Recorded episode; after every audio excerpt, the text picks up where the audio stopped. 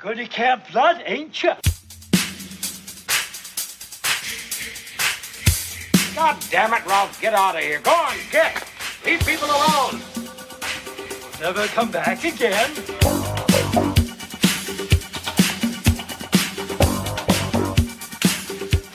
It's got a death curse. Då säger vi välkomna till veckans avsnitt av Creative Melton Podcast som är lite av ett specialavsnitt här. Kommer dela upp dem i tre filmer per avsnitt, kommer gå igenom hela fredagen den 13 franchiset. I, I det här avsnittet börjar vi med film 1, 2 och 3. Eh, med mig har jag poddens egen Jason Voorhees, Joakim Avoya, välkommen.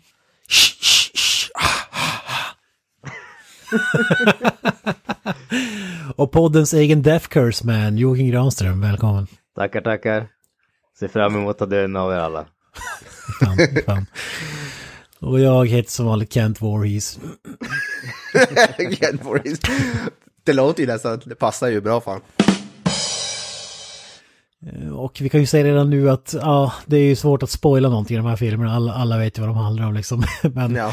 om det nu är någon mot förmodan som inte vill ha filmer spoilade så kan ni väl lyssna på försnacket här och sen zona ut, eh, köpa de här klassiska filmerna, se dem och eh, komma tillbaka hit igen så att säga. Du kan få den på, på DVD för samma pris som en typ, ja, Donken cheeseburger. I princip. Så, Fast å andra sidan kommer det ha mer nöje ut av en Donken Cheeseburger så att... men eh, fy fan. Nej, ja. för fan. Där, förlorade, där förlorade vi Granström. Nu blir det bara Kent. och så var det två. Ja, det här är blasphemy alltså. Ja. Ja. men det, det är ett fan, fantastiskt franchise. Vi tänkte väl prata lite, eh, lite löst om vad vi har för tidigare erfarenheter. Vi har ju alla sett de här filmerna nu, Part 1, 2 och 3, eh, nyligen. Men innan dess, hur länge sedan var vi såg eh, filmerna? Vad, vad säger du, Mr. Avoya, som är poddens eh, skräck? Eh. Det var, alltså jag skaffade ju den här Blu-ray-boxen för inte så länge sedan. Det var bara, ja kan det vara en två år sedan, ett, två år sedan någonting. Och då såg jag några av dem, kanske de fyra, fem första eller något. Så det var inte så länge sedan jag såg dem här faktiskt. Men i, alltså innan jag skaffade den här Blu-ray-boxen, då vet jag fan, då har man ju bara sett dem typ när de har gått på tv eller något sådär. Jag kommer ihåg att jag hade haft någon sån här inspelad på något utslitet kassett, alltså VHS-band hade jag typ. Men det var typ så här del 6 eller någonting. Men ja, alltså det var ju jävligt länge sedan. Man har ju, man har ju typ inte sett dem sedan man var liten då säkert. Alltså det är ju... Det var ju bland det bästa man visste var ju att det kom, vad heter det, se en fredag den 13 film när den råkade gå på tv eller något. Alltså då, då vart man ju överlycklig om man råkade se tio minuter av det liksom. Så det är ju det bästa, det var ju det bästa som finns. Alltid älskar de här filmerna. Eh, Fan vad magiskt att pricka in det på tv alltså. Det känns ju inte som någon sån här eh, TV3 21.00-film direkt, jag vet inte. Ja men jag tror med, alltså det är väl så här, ibland kanske på, alltså mitt på natten typ, kanske på typ så här sexan eller något sånt kan de visa någon film. Eller, eller typ runt halloween brukar de ju kunna visa. Så har- skräckmaraton så har man väl säkert sett dem på så sätt. Liksom. Men man kan sammanfatta det, du är ett fan. kan jag kortfattat. Ja, ja. ja slash, det har vi pratat om förut, slasherfilm är ju min cup of tea och Fredag den 13 är väl typ själva definitionen av slasher kan man ganska lugnt säga så. Svar ja. Ja. Granström, vad säger du nu när jag plockar upp den här på eh, videopalatset? Ja, Alltså det, det högstadieåldern skulle jag nog säga. Åtminstone då som jag såg eh, den första filmen. Jag, jag vet att jag har sett, eh, om man säger, vissa där mitt emellan. Men jag har som, de som jag vet att jag har sett innan det är första filmen och så är det Jason X. Sen vet jag att jag har sett någon som är där mitt emellan men jag har som ingen koll på vilken det är. Efter att ha sett de här tre första så är jag ganska säker på att jag har sett ettan och trean tidigare i alla fall.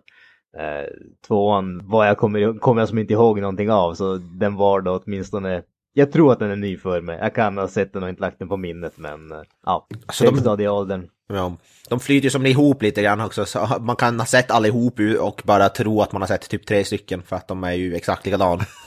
Det, lite så är det ju faktiskt. Det, det måste jag säga, lite så var det för mig när jag såg om den här. Vi har sett de här tre filmerna, men det är fortfarande svårt att liksom sära på dem. Ah, just det, det var inte i den filmen, utan det var, för att det är väldigt liknande plot points och eh, händelser i filmerna, måste man säga. Men eh, ja, för, för mig är det, jag skulle tippa som Granström, kanske lite tidigare till och med. Men eh, ha, ha- har ju sett dem här och där. Jag tror att den första jag såg var Part 2. Som var en av de första DVD-filmerna jag köpte. Ja, fy fan. Och det, det var ju för att eh, DVD-filmer kostade, när det var DVD var nytt, jag är ju så pass gammal att jag var ju med, med på den tiden och då kostade en DVD-film typ 300 spänn. Så Japp. När, det kom ut sådana här billigare som kostade liksom en 50-lapp eller drygt, då högg man ju på dem och det här var ju en sån som man kunde hitta i lådan på eh, någon matvarubutik eller någonting. Ja. Men jag, jag är ett, ett superfan, Ka- kanske mer av de senare filmerna än de tidigare. Eh, älskar ju dem. Det, det var väldigt länge sedan jag såg 1, 2, 3 måste jag säga. Jag har ju mer sett, Jason X ser jag regelbundet. ska, ska jag erkänna. Eh, det, är ju en, många hatar ju den men det, den, eh, ja, jag, jag gillar den som fan. Och eh, många av de senare, ska vi inte avslöja vilka som är mina favoriter kanske, men jag kan säga att i nästa avsnitt så är det ju några riktiga höjder i det här franchiset. Men lite som eh, vi har pratat om Fast and Furious-franchiset, att de första filmerna Ja, Fast and Furious, de första filmerna är unwatchable och sen blir de underhållande först när vi kommer till 4-5 eller någonting. Äh, Här är det de första tre, eller två kanske är väl så här, äh, ja, so-so, men från tre och framåt så, så växlar de uppåt och blir eh, riktigt magiska alltså. Wow. Grejen med, med Fredag den 13 tycker jag att de typ tre första, kanske fyra, är ju som lite mer seriösa mörka. Sen går det ju åt helvete, alltså bananas så blir någon jävla nästan komedi av det liksom. De blir ju helt sjuka. De, de, ja, ja, fyra, tre första, de är ju ganska som seriösa ändå. Lite mer åt skräckhållet. Och sen blir det ju, ja, sen vet jag fan, Jason X är väl, det är ju typ fan Terminator. Terminator meets, vad heter det, Fredag den 13 liksom. Ja, ja den är fantastisk. Men så är det ju med alla de här slasher-franchise, det går bana- ju mer längre in i serien man kommer desto mer bananas och galet blir det ju. Ja ja vi ska, ska inte prata så mycket om de senare, för vi ska koncentrera oss på de tre första här, men alla, alla känner väl till Fredag den 13 och Jason Voorhees, mördaren som liksom går loss. Eh, han mördar folk till höger och vänster, men vad folk kanske inte vet att det har ju inte alltid varit så sedan Nej franchisets början. Och eh, vi går väl in på lite spoiler territory här för att den första filmen är ju den enda filmen som har någonting att spoila egentligen. Så det, det är sista varningen vi skickar ut Ja. de här. Filmen kom ut snacket, så att 1900, säga. ja, den kom ut 1980. Har man, alltså, tycker man, blir man arg över en spoiler för en film från 1980 då får man skylla sig själv tycker jag. det, är, det är fan, någon gräns får man väl dra någonstans alltså. You may only see it once, enough.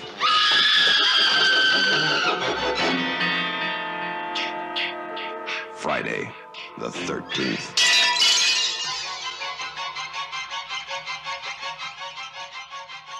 Men med Mr. Voya, om du ska dra handlingen i första filmen, var jävligt kort, vad, hur skulle du beskriva Ja, en, ja, vad är det, typ, det- de ska starta en jävla scoutläger eller något mitt ute i Camp Crystal Lake.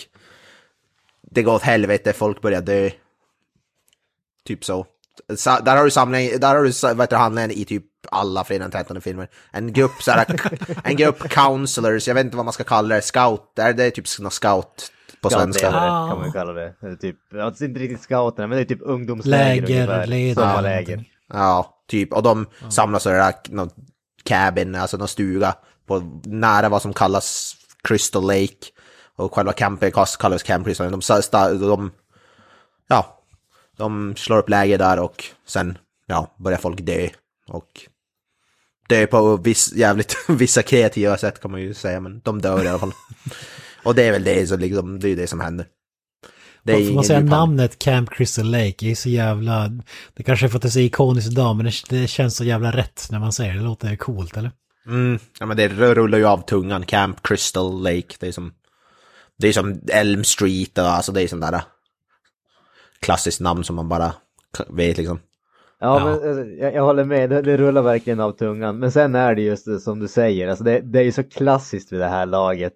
Hör man, eh, hör man Crystal Lake då vet man automatiskt vad som väntar om man säger så. Det, det, det finns ju någon sorts sånt där, eh, inbyggt medvetande om vad det innebär vid det här laget. Definitivt. Ja, fantastiskt. Vi kan säga fredag den 13 den, de skapades ju efter Halloween. John Carpenters film gjorde supersuccé med Michael Myers, eh, mördaren. Och den drog in så otroligt mycket pengar så att man tänkte ju fan vi måste ju kapitalisera på det här. Så, så då, det var väl Sean S. Cunningham, regissören, som slog fast att ah, nu, nu har ni idé till en film, vi ska kalla den för fredagen den 13 och så man kan säga att den är ju lite av en rip-off av Halloween på något, eller inspirerad så att säga. Vad heter det, manusförfattaren är väl Victor Miller, han heter väl han som egentligen skapade Jason dock, tror jag. Eh, Om man, om man säger karaktären Jason, Victor Miller. Det är han som äger rättigheten till den karaktären, tror jag. Han har ju skrivit manus till många, många av de här filmerna också. Eh, Det finns inte så jättekända namn i övrigt men man måste ju nämna eh, Tom Savini som är med och gör eh, effekten och jag är ganska övertygad om att den här filmen hade inte blivit så ikonisk utan hans handpåläggning så att säga. Han har gjort, jag vet inte om han är, är det här den enda 13 eller, jag har för mig att han är med i någon mer, men inte tvåan och trean i alla fall. Ettan Jag tror att han- det är fyra, det är fyra eller fem tror jag. Ja. Han gjorde comeback. Ja, just det, ja. Precis. Ja, Tom Savini och, men i skådespelarlistan är väl, ja, det största namnet är väl kanske Kevin Bacon, har vi ju i sin typ första filmroll någonsin. Vilket jag hade helt glömt bort att han faktiskt var med i den här filmen. Ja. Ja, det är Ja, lite- samma här. Det blev lite av en chock när jag, när jag såg den här filmen. Han, han ser ju verkligen ut som Kevin Bacon fast bara jävligt mycket mindre liksom. ja, precis. Ja, men så är det ju absolut. Så det var lite kul också tycker jag. Ja, Det, det är ju samma som eh, Johnny Depp i Elm Street. ja precis. Det är ju, det, det är ju som någon sån där grej när man ser de där stora skådespelarna som man har, som man har sett i typ 111 år och sen ser man när de typ börjar och så har de så här lågbudgetskräckis.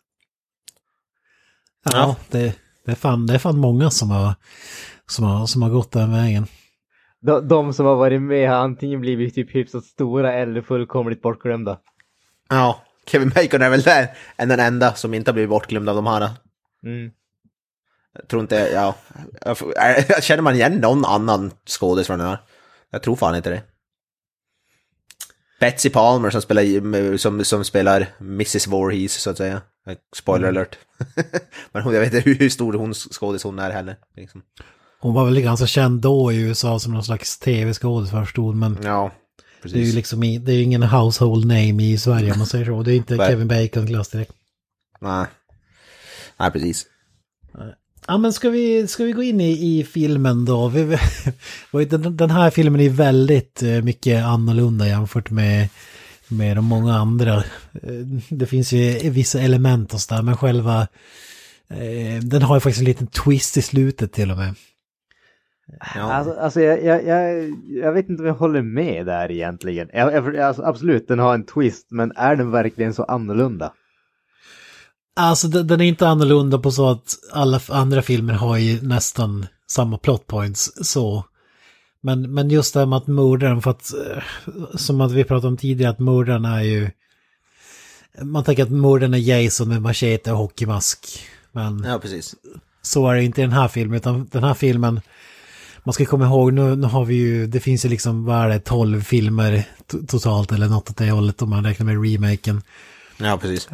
Alltså, må- många glömmer bort och jag kan inte, när den här, om man tänker att den här var ny, då har man ju sett liksom Halloween, Michael Myers. Och i den här får du också se en mördare som går loss ur förstahandsperspektiv, precis som i Halloween, vissa delar. Och men sen filmen eh, avslöjar inte vem mördaren är, man får aldrig riktigt se figuren, man får se lite skuggfigurer när de kör bil och sådär, men det, det är ju, och så har du lite så här vilseledande att ja, det kanske är the camp leader eller det kanske är det lokala fyllot liksom. Och Filmen jag- vill ju ändå, vill ändå spela lite på det och skicka så här misdirections om vem mördaren egentligen är. Jag, jag tror det kan vara förvirrande de som förmodligen många som ser fredag den 13, alltså de senare delarna före och sen går tillbaka. Ja, nu vill jag se första och se ja, hur kom Jason till och så sen ser man bara, vad fan? Och så, så ser man den där. Jag tror nog det kan vara så för många, för inte fan var ju den första, den första fredag den 13 jag såg. Den första man såg var ju typ så någon av de filmerna i mitten, typ så del 6 eller 5 eller något, jag vet inte. Sen går man ju Ja, tillbaka. precis. Och för dem kan det ändå tycka jag, tror jag kan vara lite chocker om man inte har läst på liksom. Då tycker ändå en, ändå en, en spoiler liksom. Det, det är ingen spoiler för oss nu idag eftersom att vi har ju sett Ja, alla precis. filmer, alla han är superikonisk och så vidare. Så, så på så sätt är det ändå lite, är den annorlunda och gör något oväntat i twisten. Men för de som inte kommer ihåg twisten kanske vi kan spa, spara den i alla fall och så prata lite om, om inledningen av filmen. Eh, vad- Vad säger du Granström, var du, var du imponerad av skådespeleriet här när några kids... Eller filmen, filmen börjar med att två personer mördas eh, i en lada. De är på väg att ha sex men eh, avbryts av en mördare som slicer dem. Och sen har du en cool stillbildseffekt och en zoom. Och sen hoppar vi 21 år fram i tiden. Ja, alltså, det, ingen av de här filmerna lever på skådespeleriet om vi säger så. eh, och jag skulle inte påstå att den här är sämre än någon annan film i, i serien, men ja, alltså. Jag vet inte fasiken vad man ska säga om den här egentligen. Som ni kanske hör, eh, jag, jag delar inte mina medpodcastares eh, entusiasm efter att ha sett de här filmerna. Måste jag fan! Sluta spela djävulens advokat och berätta hur du egentligen känner. Det Ja, jag menar det. Han försöker bara vara så sticka ut från mängden och vara lite cool och hipp. Ja. Alltså vara cool och hipp är någonting som jag misslyckats katastrof- katastrofalt med i ungefär 30 år så att i det här laget känns det som ganska meningslöst. Men det, är därför, du- det är därför du vill få lite redemption nu och försöka som join, join the cool kids table. Desperationen som kommer ut. Ja, fy fan. Alltså gre- grejen för mig var jag, jag var förvånad för som jag kommer ihåg det så tyckte jag faktiskt att det var en riktigt bra film men nu när jag såg den så tyckte jag inte alls att det var speciellt mycket att hurra över. jag, jag gillar den här första. Jag gillar speciellt där, så lite den här mystikidén som Ken pratade om och förstapersonsperspektivet som de har ju typ halva filmen tycker jag ändå, jag tycker ändå funkar även om vissa ser jävligt cheesy ut. Och, Fast där, där kan vi där, där kan vi faktiskt hoppa till en av de stora problemen som jag faktiskt har med den här filmen. Och det är just den där mystiken som du pratar om därför att den är enbart riktad mot publiken. Alltså det är ju inte förrän egentligen de sista typ 15 minuterna som får personerna i filmen faktiskt inse att någonting håller på att hända här. Det, mystiken handlar ju enbart om vad publiken ser och det är det som stör mig så jäkla mycket. Det finns inget mysterie i filmen för karaktärerna i filmerna. Det är ju det som är problemet. Det är enbart publiken som har ett mysterie där man ska sitta och fundera vem är det som mördar de här men de är ju som inte medvetna om att de ens blir mördade för typ 15, 15 minuter kvar av filmen. Det är det som är lite... det Ja, det, är det, som, är- det, det är det som är så roligt när mördaren kommer så här för sig. De undviker att säga någonting beskrivande och det är lite komiskt när de säger alltså, De undviker att säga så här grejer som är kanske lite ologiska. De säger väl “What are you doing here?” Alltså, alltså, oh, it's you! Ja, oh it's you. In, alltså inte som man skulle ha reagerat, men det är ju bara för att inte avslöja någonting om mördaren. Det, är som, det tyckte jag var lite roligt. Det är så obvious. Ja, men vi kan, vi kan, vi, in, innan vi hoppar till det bästa momentet där måste man säga att det, det, den hoppar ju, och sen Death Scene eh, kör igång direkt och sparar ju inte på krutet alltså. Och, och sen hoppar vi 21 år fram i tiden och då kommer vi till Death Curse-mannen. Eh, alltså, Ralph. be- Ralph. Be, be, berätta den, Mr. Voya, det är en av de höjdpunkterna i filmen alltså. Ja, alltså Ralph, det, han är ju väl blivit lite av en så här... eh, jag vet inte vad man ska säga, han är väl... Local blivit- drunk. Ja, fa- fan favorite är han ju. Och ja, är de två första filmerna i alla fall. Som, vad heter det, någon så här... profe- skriker några så här profetior typ till alla. Samma, säger samma sak, you are doomed. Never come back again. Oh, shut up, Ralph. It's got a death curse. I'm the messenger of God. You're doomed if you stay here. Place is cursed. Cursed. It's got a death curse. You will be doomed. ja, och så har han någon jävla så fisherman's hat på sig, han är jävligt kung. Eh, eh, You go to Camp Blood there, aren't you? You're all going to die, eller vad? You're going to Camp Blood, ain't you? God damn it, Ralph, get out of here. Go on, get. Leave people alone. You'll never come back again. Ja, men han är ju skev alltså. Eh, vet jag inte vad är det skådisen heter, det måste vi kolla upp. Det är ju skämmigt att vi inte vet vad han heter. Walt Gorney. Walt Gorney, ja precis. Crazy Ralph. Heter hans karaktär i rollistan och han är ju... Ja, han, han, han är ju kanske den mest, mest memorable. I alla fall av karaktärerna.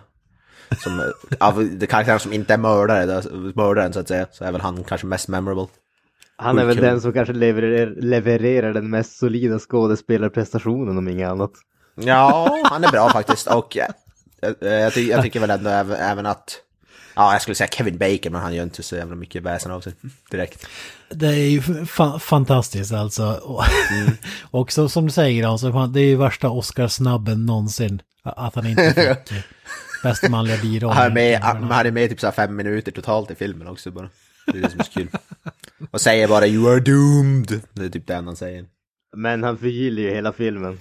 Ja, ja. Ja, ja för fan. Ger Alltså, den en det- riktig det- golden shower.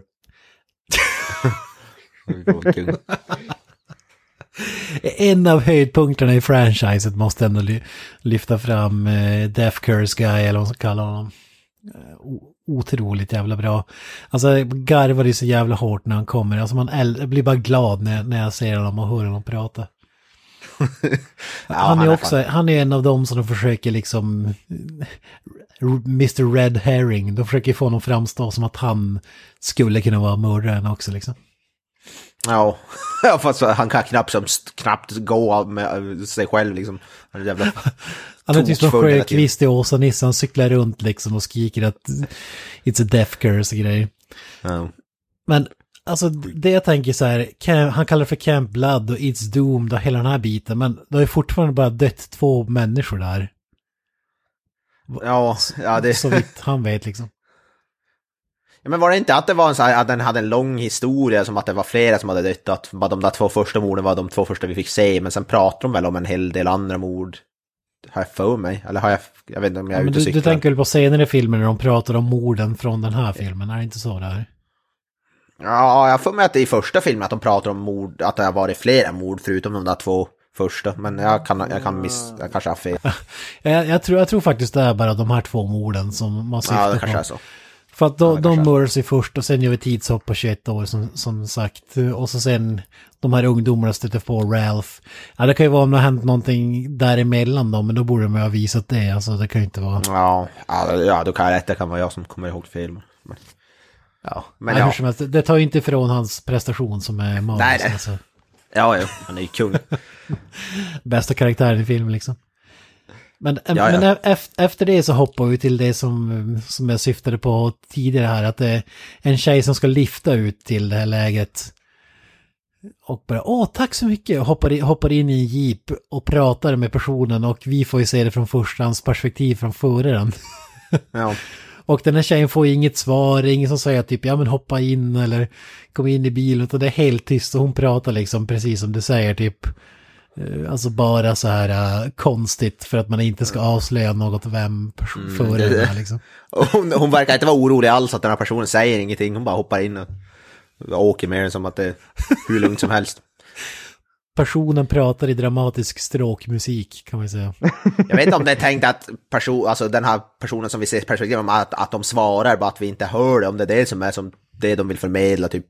Men det, ja, jag vet fan inte hur de har tänkt det. Jag tror inte det är så mycket tanke om jag ska vara ärlig. Jag tror Nej, förmodligen Nej, inte. jag tror inte jag heller. Hur kan vi göra det här utan att avslöja vem mördaren är liksom? Mm. Men de Ja. liftar, de, bilen bränner iväg i superhög hastighet och hon la la la. Tills hon märker att de bränner förbi skylten där det står Camp Crystal Lake och så typ. "Ah, jag tror vi måste vända om nu. Hon får inget svar. "Eh, jag tror vi måste stanna bilen. Ja. bilen bara kör på. Och då bestämmer hon sig för att hoppa ur bilen och så har vi, eh, vrickar vi givetvis foten eller någonting och så har vi en magisk jakt i skogen. ja. Och mördaren hinner såklart i, i kapp på typ fem sekunder. Ja, precis, för att eftersom att hon haltar så hinner ju mördaren gå helt lugnt bara vända sig om och så bara zipp. Det är återkommande för alla de här filmerna. Mördaren kommer alltid så här, zoom, och så står de bakom, även fast de har sprungit typ fem minuter.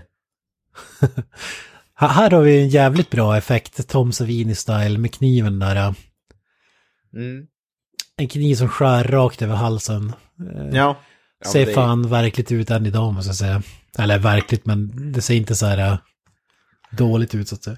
Nej, men det måste, tycker jag att man måste säga överlag om eh, effekterna i de här eh, första filmerna. Alltså just de här dödsscenerna ser förvånansvärt välgjorda ut tycker jag. De har, absolut, man ser att det inte är på riktigt och sådär, men de ser förvånansvärt bra ut tycker jag fortfarande med tanke på hur gamla de är.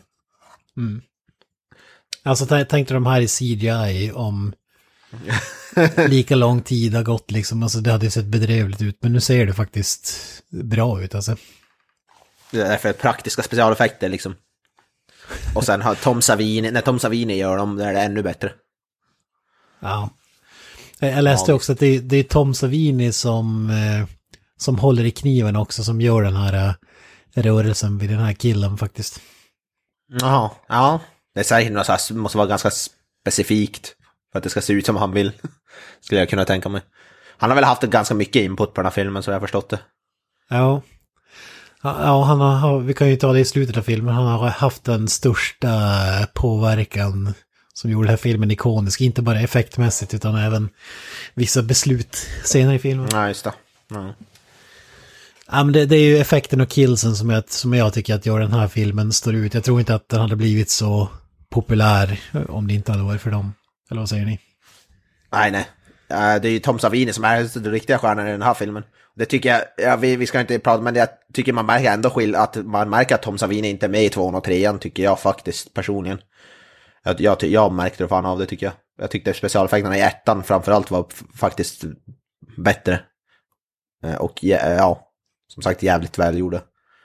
För Kevin Bacons dödsscen till exempel är ju ganska ikonisk tycker jag. Ja. Absolut. Ja, det, det är den bästa enligt mig i den här filmen alltså. Ja. Jo, det, är, det, är som, det är nästan det enda jag kommer ihåg rent specifikt. Den dödsscenen. Men vi, vi kan väl hoppa dit då. Ja.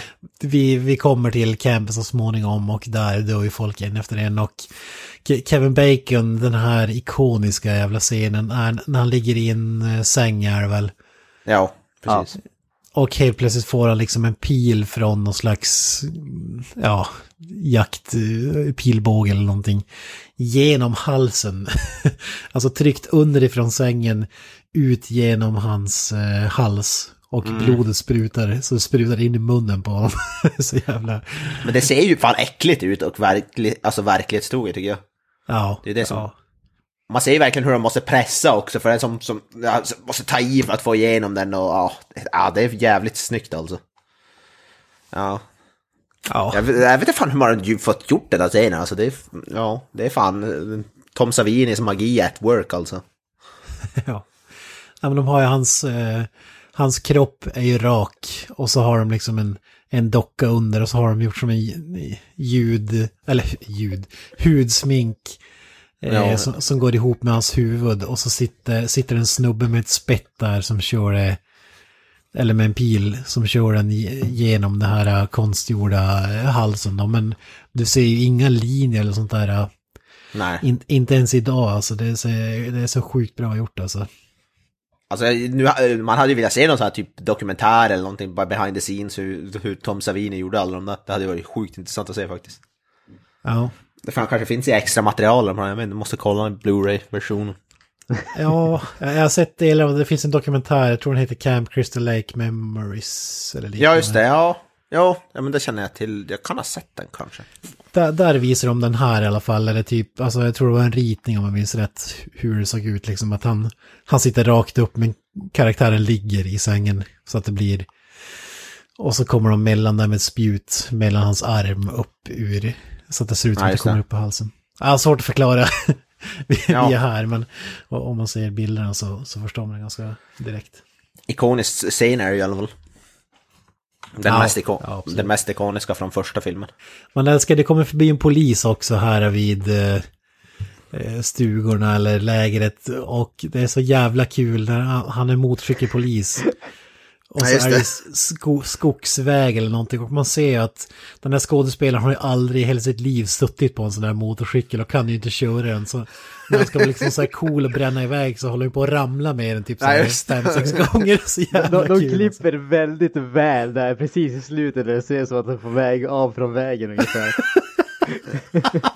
Ja, jag kommer... Ja, fan vad kul. Vad har vi med? Alltså finns det någon mer ikonisk death scene som kommer efter Kevin Bacon? Så jag kommer fan inte ihåg någon alltså. Alltså ingen egentligen death scene men jag tyckte att eh, när, eh, när de ska starta generatorn och så öppnar de, det slår igen dörren och så är han upppilad på dörren. Tyckte jag var Ja, lite små, ja, ja. små häftigt faktiskt. Man får ju inte se dödsscenen men det, det, det var en lite sådär striking image om man säger så. Tyckte jag Ja, just faktiskt. det. Ja. Ja. Ja, den, den är riktigt cool alltså. Man ser dock att han rycker till i ansiktet. Men Ja. själva, själva effekten ser ju, ser ju riktigt kul ut. Det, det är ju det är lite så här äh, uh, halvkomedistuk i de senare filmerna får man ju säga. När han liksom har stora jävla spjut och grejer körda genom, genom kroppen och är käften och, och vad den har uppspettat på en garderobsdörr eller någonting. Är det i den här första filmen, jag kommer nu, nu går det blandar ihop, men det är ju någon så här, det är rätt snygg så här scen när någon får en yxa rakt i sin ansiktet som såg riktigt bra ut. Jag vet inte om det var i första eller om det var i andra. Nej, Spoilern. det, nej men det, det är den här, det är den här. Ja. Du, du, du får ju se, man får inte se någon liksom hugger yxan i huvudet men det, det, det de filmar Nej, lampan precis. typ när han håller på och eh, måttar sitt slag. Ja, alltså man, exakt. Man, man ser hennes ansikte och hon bara och sen klipper de ifrån och sen klipper, när de klipper tillbaka så har en yxa i ansiktet. Ja, precis. Ja, men det, Det är den. den första filmen. Ja, ja. Ja. Jag tycker det kommer ja, ja. Det den, är, den är snygg också. Ja, det såg jävligt bra ut. Det hade varit ännu mag, det hade ju inte gått men det hade varit magiskt som se, fått se liksom när, när yxan fastnar i facet Ja. också. Ja, det var väl just därför man inte fick se det, för de kunde väl inte, säkert inte få till det. Inte, kanske inte ens Tom, inte ens Tom Savini. Nej, precis. Ja, men vi, vi har ju alla de här killsen och vi har- kan hoppa till slutet då när... Eh, eh, det är en, en, en tjej som är ensam kvar. Kan man säga. Och så kommer någonting som hon tror är hennes räddning. Någon kommer med en bil. Och hon blir- Precis. Hon blir överlycklig. Kan man väl säga. För att hon tror att hon är räddad. Men det blir ju liksom inte så. Nej, utan då dyker ju Mamma Warhees upp. Mm. Pa Pamela Voorhees tror jag bestämt hon heter. Pep Warhees. Pamela Voorhees, spelad av eh, Betsy Palmer. Skådis som förmodligen ingen känner igen. Jamie Lee Curtis-figuren eh, tror, tror jag som du säger att hon är eh, räddad men ju mer eh, mamma Voorhees öppnar käften så inser jag att ja, okej, det här kanske inte är mi- min räddning utan de berättar en historia om att en ung pojke drunknade medan två eh, camp leaders hade sex och inte övervakade honom liksom. Nej, precis. Alltså det, där- det där är ju den biten som jag känner att det skulle kunna funka betydligt bättre med en bättre skådespelare. För de går från att vara typ normal till att vara full-blown crazy inom eh, loppet av typ en och en halv mening ungefär. Det känns som att hade det varit en lite bättre skådespelare som hade haft lite bättre eh, leverans av dialogen hade man kunnat bygga upp det lite grann där kände jag faktiskt. Fan, jag håller inte med. Jag tycker att det här är den bästa skådespelaren i filmen. typ. Förutom tycker hon är- Guy. Jag, Jag tycker jag hon- det var riktigt dåligt alltså. Det, Jag tycker- jag tycker hon är bra. nivå alltså. Men va, vad jag tycker hade gjort det här bättre, det var att om vi hade sett henne tidigare. För att nu, hon har inte varit med en sekund i filmen tidigare. Det blir som en cop-out eh, slut liksom. Alltså, det hade varit bättre om man hade fått då, att hon också var med bland kandidaterna. Typ. För även om hon hade berättat att hennes son drunknade på, på kollot för eh, 20 år sedan så, alltså man hade ju ändå inte, hade man sett den första gången tror jag ändå inte man hade utgått från att, ja okej, men det är hans morsa som är mördaren liksom. Ja, det, ja, det är lite roligt om som spe, bygger upp det som att det är så här, ja nu kommer stor reveal och så bara, jaha vem fan, vem fan är det där då? Det är Ja. som, nu ska vi avslöja vem mördare är. Ja, det är ingen man har sett tidigare, så ingen aning. Inte ens näm, nämnt ett namn, så det, det är lite kul. Men jag tycker hon är bra, alltså Betty Boy, jag tycker hon är, hon är väl en av de mer stabila skådespelarna. Hon har ju lite talang jämfört med alla ungdomar tycker man. Ja, jag, jag tycker att hon är bra faktiskt. Jag håller Ja. inte med Granström. Nej, inte jag heller. Jag tycker den är episk. Kill her, Mommy.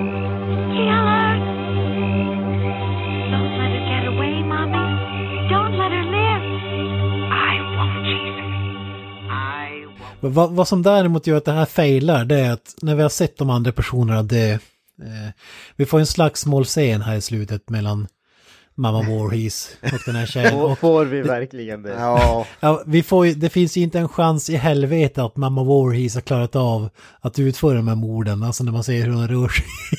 nej precis. Hon, tar- hon har tagit, alltså, hon har ju mördat i princip ganska som starka som unga killar liksom i som tonårsålder eller 20-årsålder. Vad det är. Och så Alltså ingen av oss skulle klara av att syla en yxa som sitter fast i ansiktet på någon. Alltså, Nej, och ska vi tro att det är typ vadå, 60 år gammal, 70 år gammal tant ska ha mördat typ, ja, ungdom, alltså massa ungdomar helt själv. Ja, jag vet inte hur troligt det är liksom inte en sån här i skogen med knivar, att de skulle liksom, om man ser på rörelserna, de känns ju så jävla resoluta. Och helt plötsligt är det här liksom random pensionär som knappt orkar tända sin egen cigg liksom. Ja. Hon skulle ha typ mördat en person och sen ska hon vara tvungen att vila i typ några, några timmar. Istället mördade hon typ 20, 20 pers som om... Alltså själv, alltså själv orkar man ju knappt gå till kylskåpet utan ta hon, vad heter det, ta, ta, vad heter det, ta, ta ett andetag hon kan mörda, alltså, ja, De måste pausa och käka äppelmos liksom. ja. Men det ser man ju också som du säger, den här slutfight-scenen, alltså den är ju, det är ju verkligen världens långsammaste fight, liksom. Ja.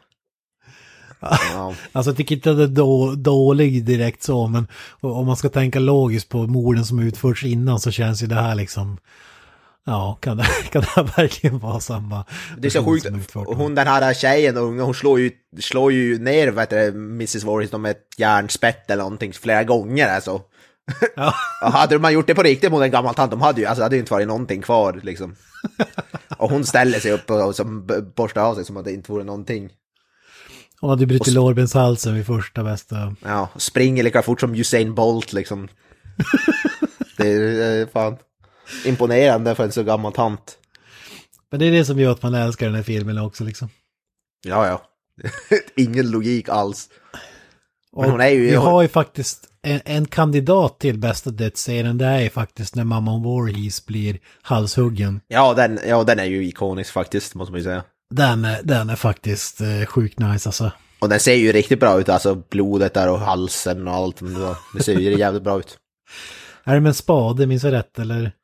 Nej, det är väl en Nej, machete. machete. Machete. machete Är det är det mache- ju. ja, macheten är det för fan, det stämmer det. Det är Där väl därför det blev- till Jason. Ja. det. Det är väl därför han favoriserar den kanske. Mm. Men ja, det är ikonisk eh, scen. Och sen att den går ju som i ult... Alltså det är ju typ slow motion i vadå, typ 30 sekunder men de springer med den långsamt. Uh, Går och springer och plockar upp den och så, det är ju säkert 30 sekunder jag håller på den där jävla scenen eller något i slow motion. Och så säger man mamma Voorhees sträcker upp händerna och så här typ vart fan är mitt huvud ungefär och så dör den. Men det är så, så när hon fattar vad som ska hända och man ser en close-up på hennes face. Hon står "Åh!" Hon ser, som, hon ser typ, det ser me- mest ut som att hon har typ, inte, glömt att ta sin medicin eller någonting. Men en, en sak som jag inte får ihop riktigt, det är logiken här. Alltså, vi säger att alltså, henne, hennes eh, son var liksom mentalt handikappad, eller vad man ska kalla det. Och, Missbildad, fysiskt missbildad och allt möjligt. Liksom. och hon, hon är sur på eh, de som jobbade på läger för att de smet iväg och hade sex och han badade. Men alltså, vart fan var mamma Voorhees när det här, när den här ungen drunknade liksom? Hon Ligger höll inte ju det på på att laga henne mat, också? säger hon inte i filmen. Vad sa du? Ja, var, ja, var inte hon... Eh, Hon var, hon var ju kock på lägret, jag för mig att hon säger i filmen att hon höll på att laga mat. Ja exakt, hon var, hon var till och med på lägret när det här skedde liksom. Alltså vad, vad fan, är det inte hennes ansvar då eller? Hålla reda på ungen? Ja, men det, var, det, var, det kan man ju tycka. Poängen var väl att det skulle vara det kampledarna eller de som Ja, skulle precis. hålla koll på ungen. Men de, de, de gökade istället. Och ma- mamma Warris resonerar ju så att det räcker ju inte med att de som liksom ansvarar för det här ska mördas, utan alla som kommer hit någonsin ska Ja, mördas. precis. Ja, Det är jävligt logiskt. Den scenen faktiskt när de, eh, när de, när Jason drunknar och när de gökar, den är ju, jag tror det är Freddy vs Jason, den är som lite återskapad den scenen. Kommer vi prata om mycket, mycket senare i den filmen, men Den scenen är återskapad där, kommer jag ihåg. Ja. Ja, men jag, jag, måste, jag måste faktiskt säga, innan vi hoppar till absolut sista scenen och går- hoppar vidare till del två, så måste jag säga att jag jag har omvänd upplevelse från Granström. Alltså jag minns den här filmen som ganska svag. Men jag måste säga att det var mycket bättre än vad jag trodde. Alltså underhållningsmässigt och så vidare. Och jag, jag gillar det här att de liksom, alltså visst du får en kill i början men drar ändå ut på det lite grann. Visst det kanske inte är superintressant att se när de liksom ska måla om stugor och grejer men det, jag tycker ändå, jag gillar ändå att det går lite långsamt fram se- senare i filmen. Att det inte bara är bara kills i hela filmen liksom. Ja, den är ju lite mer rysare än ett slasherfilm till viss del. Lite mer, Ja, lite, lite långsammare än ju. Ja, och specialeffekterna är ju magiska som sagt. Så jag Ja. tycker, jag tycker, ja, jag tycker den är bra faktiskt. Och Ralph har vi ju, är ju alltid kung. ja, Ralph är ju magisk. Men sen har vi då eh, våran eh, huvudfigur, är det Alice? Eller? Ja. Ja, typ. Spelas av Adrian King. Som beställer för att ta en kanot. eh, de- Den här fighten är på en strand. Hon tar en kanot och glider ut i vattnet. Och eh, natt blir till dag. Och vi får liksom flöjtmusik. Det är som att det är som att det som spelas när man får massage ungefär på något eh, ha- halvtaskigt ställe. Man tror att nu är frid och fröjd. Du ser polisen kommer vid stranden och vinkar åt henne. Och hon bara, ja fan äntligen är det här över. Och då kommer ju bästa serien i filmen, eller vad säger ni? Ja, det är ju en ikonisk scen, utan tvekan. Då en 21-årig eh, förvuxen bebis vid namn Jason Voorhees hoppar upp i vattnet och drar ner henne eh, i, välter kanoten och drar ner henne i, i vattnet liksom. Vad, vad säger du Granström? Det här måste ju vara ikoniskt eller? Ikoniskt är det definitivt, jag måste erkänna att jag, trots att jag har sett det tidigare, jag blev fortfarande överraskad när det kom. Så att eh, man, man- man blir som lite lullad in i falsk säkerhet och den där lugna musiken och allting och så kommer det ändå. Så att jag blev ju fortfarande överraskad. Eh, men nej, absolut, eh, definitivt en ikonisk scen och det är väl kanske där som vi får början av vad resten av den här filmserien kom att bli så att säga. Det är ju ändå där som Jason utför sitt första mord även om, det inte, även om det är mer av en drömsekvens om man säger så. Ja. Ja, det är det, är det som är synd alltså. De borde, de, egentligen skulle de ha tagit scenen när han drar ner i vattnet och eh, fade to black där. Eh, Men då får vi den här, eh, då vaknar den här tjejen upp på sjukhuset och det finns det några poliser där och, så säger hon bara något i stil med Did you get him? still out there. Ja. Nej men de frågar ju poliserna typ, tog ni honom? Och de säger bara, va? V- Vem då? Det var ingen där. typ What about the okej. boy in the water? ja. ja, jag tror det är den scenen man kan skippa hela den där sjukhusscenen. Det hade varit så mycket bättre slut om de... Alltså det, det, det de skulle ha gjort egentligen det hade ju varit, de skulle ha avslutat filmen bara på eh, när hon får ut på båten och sen skulle tvåan ha öppnat med att det, det blir eh, Ah. natten övergår i dagen och så får vi introduktionen till Jason där. Men i, i, all, i ärlighetens namn så tror jag inte att vi hade fått en andra film om vi inte hade haft det här i första filmen. För jag tror att det här måste ha varit det som folk kommer ihåg mest från den här filmen. Liksom. Alltså, Mamma Warhees eh, st- stapplande steg i all ära, men det, det här var ju liksom up to eleven i, i överraskning och skräckfaktor får man ju säga. Det är faktiskt, jag gillar inte sådana hoppa till scener men den fan är, även fast man vet att den kommer, så den är så, byggs upp så bara, ja, nu kommer den, nu, nu kommer den, och så sitter man där i typ en minut och kollar och så zoomar den ju typ in bara längre och längre. Ja. Nu, nu, kom, nu, nu, nu jävlar, så jag bara, jaha, ja, jag kanske kommer ihåg fel, den kanske inte var, och så, vad i helvete. det, det är fan välgjort alltså. Och det, här- det här var ju som jag pratade om senare, Tom Savini påstod att det var hans förslag att de skulle ha den här eh, slutscenen. Nu, nu har det twistat ju lite om manusförfattaren påstår att det är lögn och att han liksom att det var hans idé men eh, det verkar som att allting pekar mot att det var Tom Savini som föreslog att ja men nu måste jag avsluta med det här liksom. Man vill ju se pöjken komma upp ur vattnet som en grande finale. ja, täckt av så alger och gräs och vatten och grejer. Ser ut som en zombie i princip. Nu Swamp, jag tänker eller efter, thing. Han, ser, han är jävligt lik eh, eh, de här alien-snubbarna i Prometheus. Eh, alien, nya alien-filmen där. Tänkte de här engineers eller?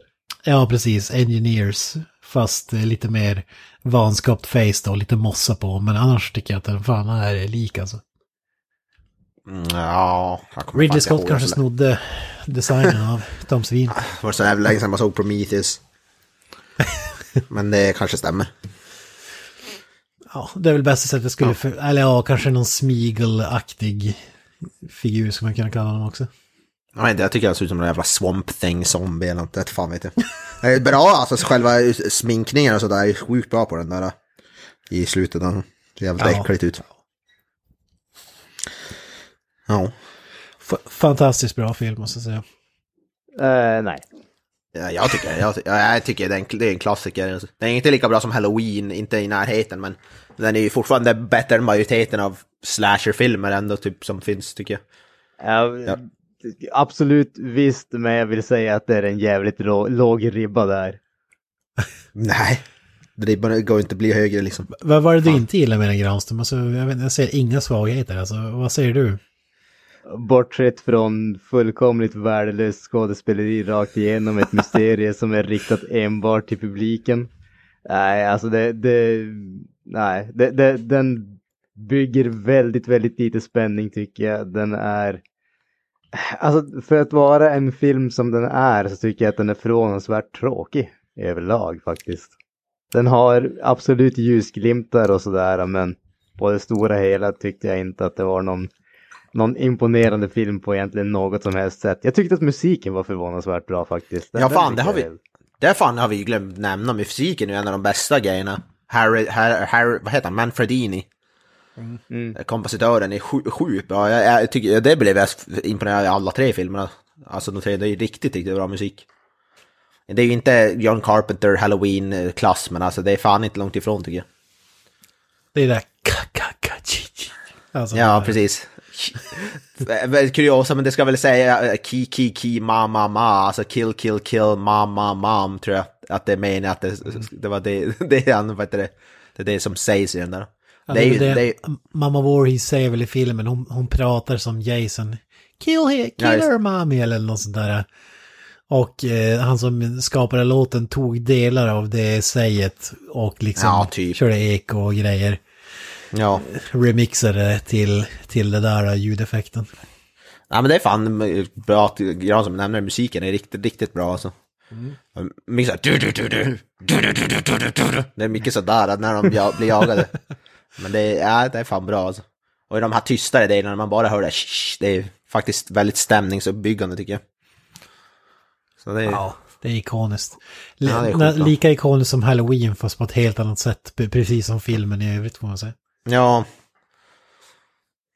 Ja, halloween-melodin är lite mer så här trallvänlig nästan, höll jag på att säga. Medan den här är lite mer, ja, jag vet inte, den är som på andra skalan liksom.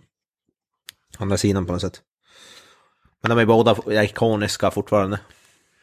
Och vad tror ni det är som har gjort att den här filmen fick liksom 11 uppföljare? Alltså, Det är jävligt svårt att säga, jag vet inte. Det var inte liksom, jag, jag tror att det är mycket Tom Savini, Killsen, som Ja, förmodligen var liksom revolutionary på den tiden. Och sen tror jag även slutet med när Jason hoppar ut, hoppar upp i vattnet där, att det var så här ikoniskt moment. Och, och musiken då givetvis. Ja, Jag tror, jag, Ja. tror att du har, eh, jag tror att du har mycket rätt där. Alltså just när det kommer till effektbiten av det här. Alltså visst, det, som sagt, det ser bra ut för att eh, vara eh, gjort när det var gjort och sådär. Men jämför man med filmer som kom ut ungefär samtidigt så är det ju faktiskt på en helt annan nivå. Och det känns, jag kan ändå förstå att för folk som såg den när den släpptes eh, ursprungligen att det var det var ändå på en nivå som folk inte hade sett tidigare. Jag kan absolut tänka mig att det var där många liksom Många tänkte att det, här är någonting nytt så att säga. Det, det är på en annan nivå än det som har kommit tidigare. Vi, vi, vi stänger det här kapitlet och hoppar vidare till nästa, part 2. On a June night in 1980, Friday, the 13th, 12 of her friends were murdered. Why should Friday the 13th, 1981 be any different? Friday the 13th, Part 2. The body count continues. Jag kan dra eh, handlingen i korta drag. eh, det, det är alltså eh, Camp Crystal Lake, det har utförts mord där. Fem år efter att eh, första filmen utspelades så sticker ett par nya ungdomar dit för att öppna upp campen igen. Och så blir de dödade. Nej! Fan också. Va? Ja, alltså spoilers här alltså fy fan. Jag känner att det var nästan lite dålig stil av mig att gå så här långt och berätta vad som skulle hända i filmen. Jag Man kan väl lägga till att det- den här gången är mördaren en snubbe i potatissäck. Men eh, bara, det är så roligt, det är bara ett, eh, han har bara ett hål för ett öga. Ja. men det är som jag tycker är kul. Det, det är ju därför det tar en, eh, det är därför det tar så länge för en att döda allihop och därför har den så taskigt djupseende. Ja, precis. Därför han ramlar och håller på och springer in i grejer typ. Han kanske var cyklop. det vet man inte. Det är fan kul alltså, en potatissäck. Den, den kommer man inte ihåg när man pratar eh, så masker, populära masker från Flashfilmer. Potatissäcken från del två. Ja, det, det är det som kommer att bli nästa års stora halloween-kostym med en potatissäck över ansiktet. Vad fan är du? Jag är Jason. Ja, fy fan. Ja, det- jag vet inte, de, de hade inte riktigt hittat sin, sin nisch än, tror jag. Nej. Ja. De Jag tror de valde ju, mellan sopsäck, potatissäck, morotssäck. OLV-chipspåse. Ja. Det Cheese doodles med ett öga liksom. Fan, det- jag, jag gör en skräckfilm ska jag fan ha det som mask jag. Fy fan vad ikoniskt. Ja, jag vet inte vad fan kan man säga om den, där, om den här filmen. Alltså det, det Jag man, tänkte- kan, man kan ju börja lite kort bara och säga att den- knyter ju faktiskt innan, eller knyter ju an direkt på den första filmen i och med att eh, den första personen som man ser och som blir mördad i den här filmen är ju Alice som var då den Mm. sista överlevande från den första filmen. Och efter det så hoppar vi fram fem år och eh, går till, tillbaka till Camp Crystal Lake och det här nya gänget med eh, ungdomar som ska öppna campen på nytt då. Ja, det gillar jag ändå att hur det är, det är väl ganska mycket så genomgående här Friend det knyter alltid an till den förra filmen på något sätt. Mm. Kan jag uppskatta faktiskt. Man, man kan ju nämna här, alltså det, det, är som, det är som upplagt, man, man, får, ju- man får ju se henne i hemmet. Eller först, först ska vi säga, vi får en sex minuter lång recap av förra filmen. Alltså, Ja, just det. Ja. Jesus, alltså filmerna är mindre än 1.30 långa och så har du 6-7 minuter bara så här, spelar upp sekvenser från den gamla filmen. Ja, det är magiskt alltså. ja. Lite så mycket material kvar. Liksom. Men man, man Ja. får ju säga när det liksom står och kammar håret eller någonting och så hör man typ sådär klassisk kattskrik och så får hon en skruvmejsel i hjärnan. Eh, Ja, Hon öppnar ju kylskåpet först och så får hon ju se någonting där i.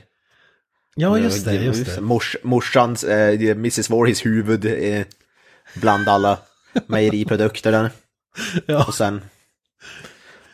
Ja. Ja, det, det, Det är lite roligt det är faktiskt magiskt måste jag säga. Att mamma Voorhees huvud, är, att, att han har lagt det i kylen och väntar tills hon ska öppna den liksom. Det tycker jag ändå man, man, var- det är lite modigt. Man vågar döda, döda eh, som hjältinnan från första filmen.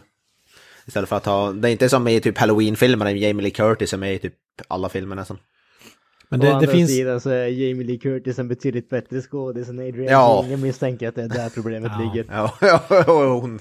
Men inte- här tog man ett beslut också, dels baserat på behind the scenes grejer, men att äh, fuck it, vi ska inte ha någon stjärnskådespelare genom alla filmer som överlever, utan det är liksom Jason Voorhees som är stjärnan i filmen.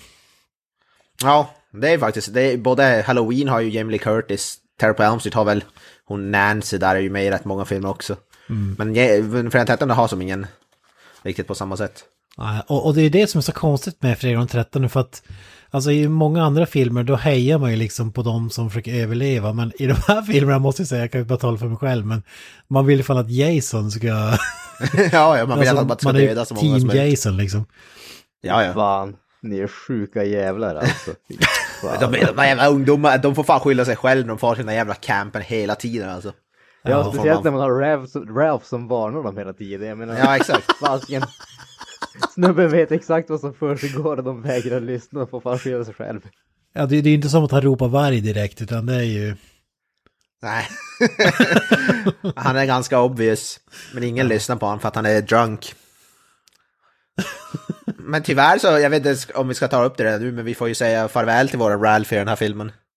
Dessvärre. Jag vet inte om det är för tidigt att ta upp det. Ja, det är Nej, det han är sämsta. väl nästan ett av de första, vad heter Ja, det? han, han, första han försvinner. där så. han försvinner rätt tidigt. Tyvärr. Ja, det är så jävla tragiskt. Alltså, fan vad ledsen jag blev när jag såg att han dog direkt. Alltså, Ja. Hur är det? Han får någon så här barbed wi- wire typ runt halsen eller något ja, det är en sån här pianotråd eller någonting. Runt ett träd också. Stryper han. Ja. Alltså. Ja, det är tragiskt alltså. Man, man, det kom nästan en tår där alltså. Ja. Men med det jag ska bara säga, Adrian King som spelar Alice här som blev mördad, det var ju för att hon råkade ut, hon fick ju en stalker i verkligheten efter den första filmen. Eh, Ja. så, så, så, som liksom förstörde hennes liv, så därför ville hon liksom, hon ville bara bort. Och så hade de med henne i början bara för att de skulle döda av henne. Så, så det var inte bara så här eh, creative decision att, ja okej, ja. hon ska inte överleva, utan fan. det var, det var för att hennes liv förstördes efter den första filmen. Hon ville ha mer, hon skulle ha fått mer stalkers bara om hon var med mer. Ja. För varje, för varje film får hon en ny stalker. Ja, man, man vill ju veta den. Man vill ju inte sätta på den snubben kanske för att det här var ju sista filmen hon var med i 1981, eh, del 2. Sen dröjer det till 2010 innan hon är med i nästa film och det är ju på grund av den här Stalker-historien. jävlar. Nej, det är fan 30 Ja, års det- uppehåll. Ja, Alltså men det, man skrattar ju åt det men det är säkert jävligt o, det är ju säkert inte kul för henne kan man ju tänka sig. ja, Förmodligen. ja, det finns ju massor att säga om det där men det är ju bara Ja. tragiskt. Alltså. Ja. Lite fakta så. Ja men vi Ja. hoppar väl vidare, vi får en klassisk sån här campfire-historia liksom, spökhistorie. Eh, När, när vi hoppar tillbaka till det här lägret. Det- det- den, den snubben som berättar historien tycker jag faktiskt är rätt bra på, på den grejen, eller vad säger ni? Jag tyckte faktiskt att han berättade en eh, riktigt bra historia där. Byggde upp spänning och sådär. De, de lät ju faktiskt ta lite tid. Han fick ju berätta ändå en ganska bra stund också. Liksom bygga upp den där historien. Mm. Ja, i, i andra filmer hade vi visat så här klippbilder från ja men typ förra filmen, men, men här är det så intressant att du behöver inte ens dem, utan det räcker med att han sitter och, och håller lå- låda där liksom. De berättar hur hemska morden, eh, hemska mord som har skett på området och så vidare. Och sen såklart, tar de, när den är färdig så kommer någon med en mask och skriker. Där är det ju, vet du, det town, ta, vet du, lägets joker snubbe, jag kommer inte ihåg vad han heter, men den här spinkiga snubben med krulligt hår. Ja, the original vad- prankster. Ja. Måste klippa in Offspring där känner jag. det var den låten jag tänkte på också. Original prankster. Och den här karaktären är ju ständigt återkommande i, i filmerna efteråt får man lov att säga. Den här som klär ut sig eller låtsas skrämma de andra. Ja, precis. Genom att antingen ta på sig masker eller låtsas vara mördad och så vidare. Ja, exakt. Ja, men det är ju, ja. Det är ju ganska klassiskt, inte bara i Friend men i slasherfilmer överhuvudtaget. Det är ju alltid en sån här joker som ska försöka skrämma de andra. Och sen, sen på något sätt stöter han ihop med mördaren och så... Eller alltså de stöter ihop med mördaren och så tror de bara, "Ja, stop joking man, it's not funny anymore. Alltid den scenen. Alltid. Det kommer ju tillbaka i del tre när, när vi ska prata, prata om det. Ja, ja det, det kan man ju lugnt säga. Ja, men här får man ju reda då att eh, det är en väldigt märklig scen där, en polis, inte en eh, motorcykelpolis den här gången, utan han kör bil i, i den här filmen. Det är väl största skillnaden. Annars är det väl typ samma plot points och så vidare. Men eh, han kör ut i skogen och han hade väl snackat med ungdomarna och då ser han en mystisk figur springa över vägen och av någon oklar anledning så väljer han att lubba efter. Ja, just det, alltså, alltså det är så jävla dumt. Helt omotiverat Ja. springa liksom flera kilometer in i skogen. Man. Ja, som att personen har gjort något olagligt. Nu jävlar! Ja. Man får inte springa i skogen. Nej. Man ska gå. Och så är han ju, alltså han- han är ju typ så här, väger typ så här 100, 150 kilo han så svettas efter typ 5 sek alltså, ja, fem sekunder efter att springa så... så kan han ändå envisas med att jaga vem det nu är den här. Och det visar sig att han hittar Jason Voorhees träkoja eh, mitt ute i ingenstans liksom. ja, ja, det kan man ju lugnt säga att han gör. Ja, Fullt fan. utrustad med eh, avhuggna Mamoris huvud och eh, machetes och knivar och grejer. Ja, Ja, och hennes huvud som på ett altare i princip mitt i rummet där. Fast det får man ju inte Som worship. se då, då där. Faktiskt. Får man Nej, nej, det, får man, får säga att hon ser något fasansfullt. Eller han ser något fasansfullt, men man får inte se Ja, vad det det, är. ja. Men det avslöjas senare Ja. då att det är altaret där. Mm. Ja, just Ja, Han får en hammare i huvudet så att säga. Bam! Ja just det. Ja. Det är fan... ja, den, den kojan ser faktiskt eh, lite läskig ut måste jag säga. Ja, definitivt eh, hög skitfaktor där alltså. Fallfärdig. Men vi kan väl hoppa till, det är ju en ganska cool death scene, en snubbe som fastnar i någon slags eh, rävfälla eller någonting, eller vad fan ska kalla det. Mm. Eh, Och sen får ju någon machete eh, dr- som, som stryker längs eh, halsen liksom. Ja, just är det den där han, han som man ser att han knappt tar i med kniven, han som bara drar den jävligt lös och så hela Ja. halsen Ja. öppnar upp typ. Han skär i smör så att säga. Ja, precis. Han måste vara jävligt vass den här macheten alltså. Den ser ju inte vad den ser ju trubbig och jävligt ut men ändå lyckas den skära upp halsen som det inte vore någonting. Alltså jag tycker man märker att Tom Savini inte är inblandad, jag vet inte om ni tänker men jag tycker fan inte dödsscenerna ser riktigt lika bra ut som i första filmen alltså. Jag tycker Alltså, fan inte det. Nej, det, det håller jag faktiskt med om. Jag skulle säga egentligen den enda dödsscenen som jag tyckte, tyckte om är ju som den som vi nämnde tidigare när eh, den rullstolsbundna snubben får macheten i ansiktet och så rullar han bakåt ner för trapporna det där. Ja just det, ja. Det, det, är typ- det skulle jag säga är den bästa i den här filmen faktiskt. Jag, Jag tror tycker att de är ganska ta- dödsscenerna, tama. dödsscenerna både i tvåan och trean, att man klipper mycket tidigare i de här. Mm. Och, och jag vet inte om det är av censuranledningar eller om det är att de inte ser lika bra ut som de gjorde i den första filmen liksom. Alltså jag, jag skulle faktiskt luta åt att det är eh, det andra alternativet är att de inte ser lika bra ut. För det känns ju som sagt, det, det känns ändå som att eh, folk såg fredag den 13 för att det var lite, lite grövre, lite häftigare än det som fanns på, på film tidigare så att säga. Så det känns dumt om de skulle klippa bort den biten som jag misstänker att folk ville se. Men jag kan ha fel också. Jag har faktiskt, jag vet inte om vi har sett samma, för jag är ju så här helt uncut version på- Blu-ray så då... eh, Jag, Jaha. Mm, det är, jag får mig, eh, det ser till och med, de här vissa dödsscener ser lite längre ut än vad jag minns dem. Speciellt i trean är det någon scen där som jag, som jag inte alls kommer ihåg som var så pass grova, grova som de var, så de, alltså de är ju helt osensurerade. Så jag vet inte om, om de kanske dödsscenerna är lite, lite längre i dem eller något sådär. Och det är kanske därför man, märker man märker att de är sämre också. Att det är därför jag la märke till det. Men det, det, för jag läste, det fanns ju bara någon sån här typ holländsk VS-kassett som hade uncut, men det kanske har kommit med Blu-ray-boxen som har den där ikoniska. Ja. Ja, jag, jag tror de är helt, alla är helt uncut. Fan, Så, det, ja, det men, är nice, det hade man vilja säga. Men de är, fan, de är betydligt mer tama dödsscenerna i tvåan, så jag tycker de är ganska fega till vi- viss del. Alltså de flesta av dem. Ja. Och det kanske är för att de inte hade Tom Savini för att utföra sin magi så att säga.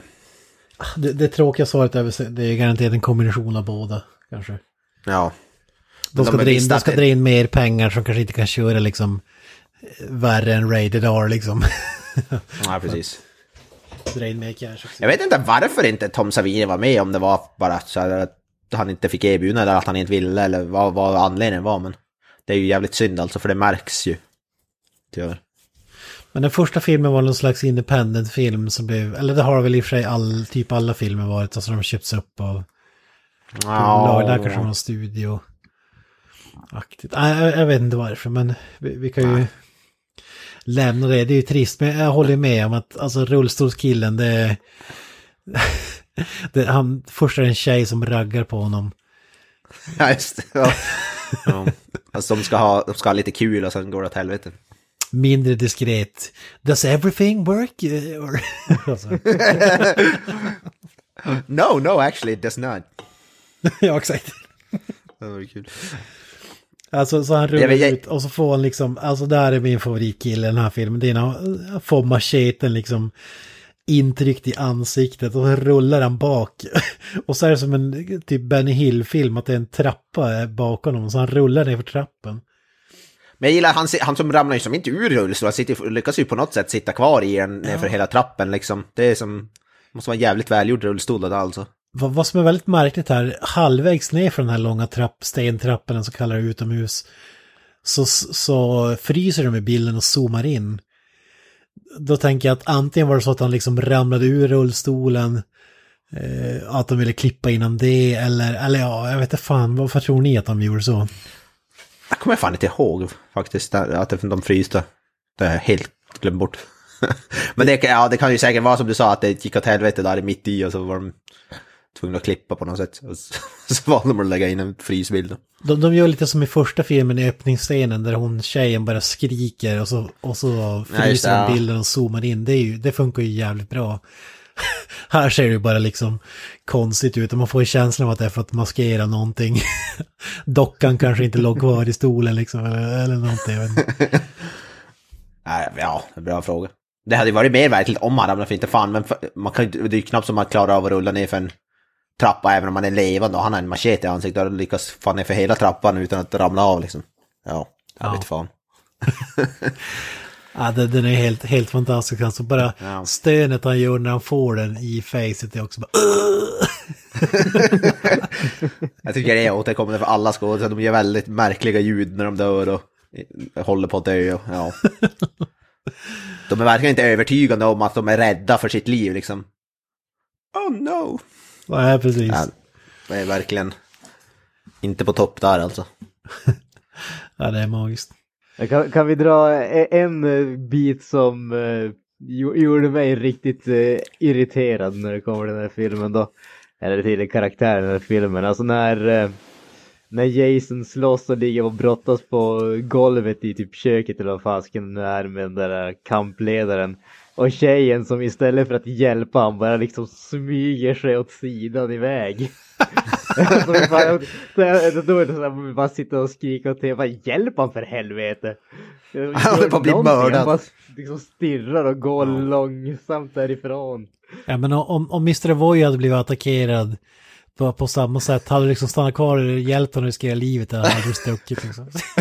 Ja men fan, Men det är hade ju- stuckit fort. Jag hade inte liksom bara smygt där iväg långsamt och kollat vad som hände. Utan i så fall hade jag lagt benen på ryggen och bara varit ett rökmoln ungefär. Nu har jag chansen medan Savoya blir m- mutilated. Ja men precis. Jag kommer på din begravning! Och så springer du. precis. Ja men alltså antingen hjälp han eller stick men hon gör ju som inget av det. Jag står typ som ja, ja det är ju också en sån där grej. De är jävligt dumma högkaraktärerna i de här filmerna. De står som bara kollar vidögt typ. Ja, men det är, man tror man ska vara ganska chockad om det kommer in en snubbe med en potatissäck och börjar Ja, burra kanske, främst av, kanske främst av potatissäcken, då skulle jag bli chockad möjligtvis. Ja. Varför har han bara ett öga? Vad, vad fan? The hell's going on here? Den här jävla potatissäcken alltså.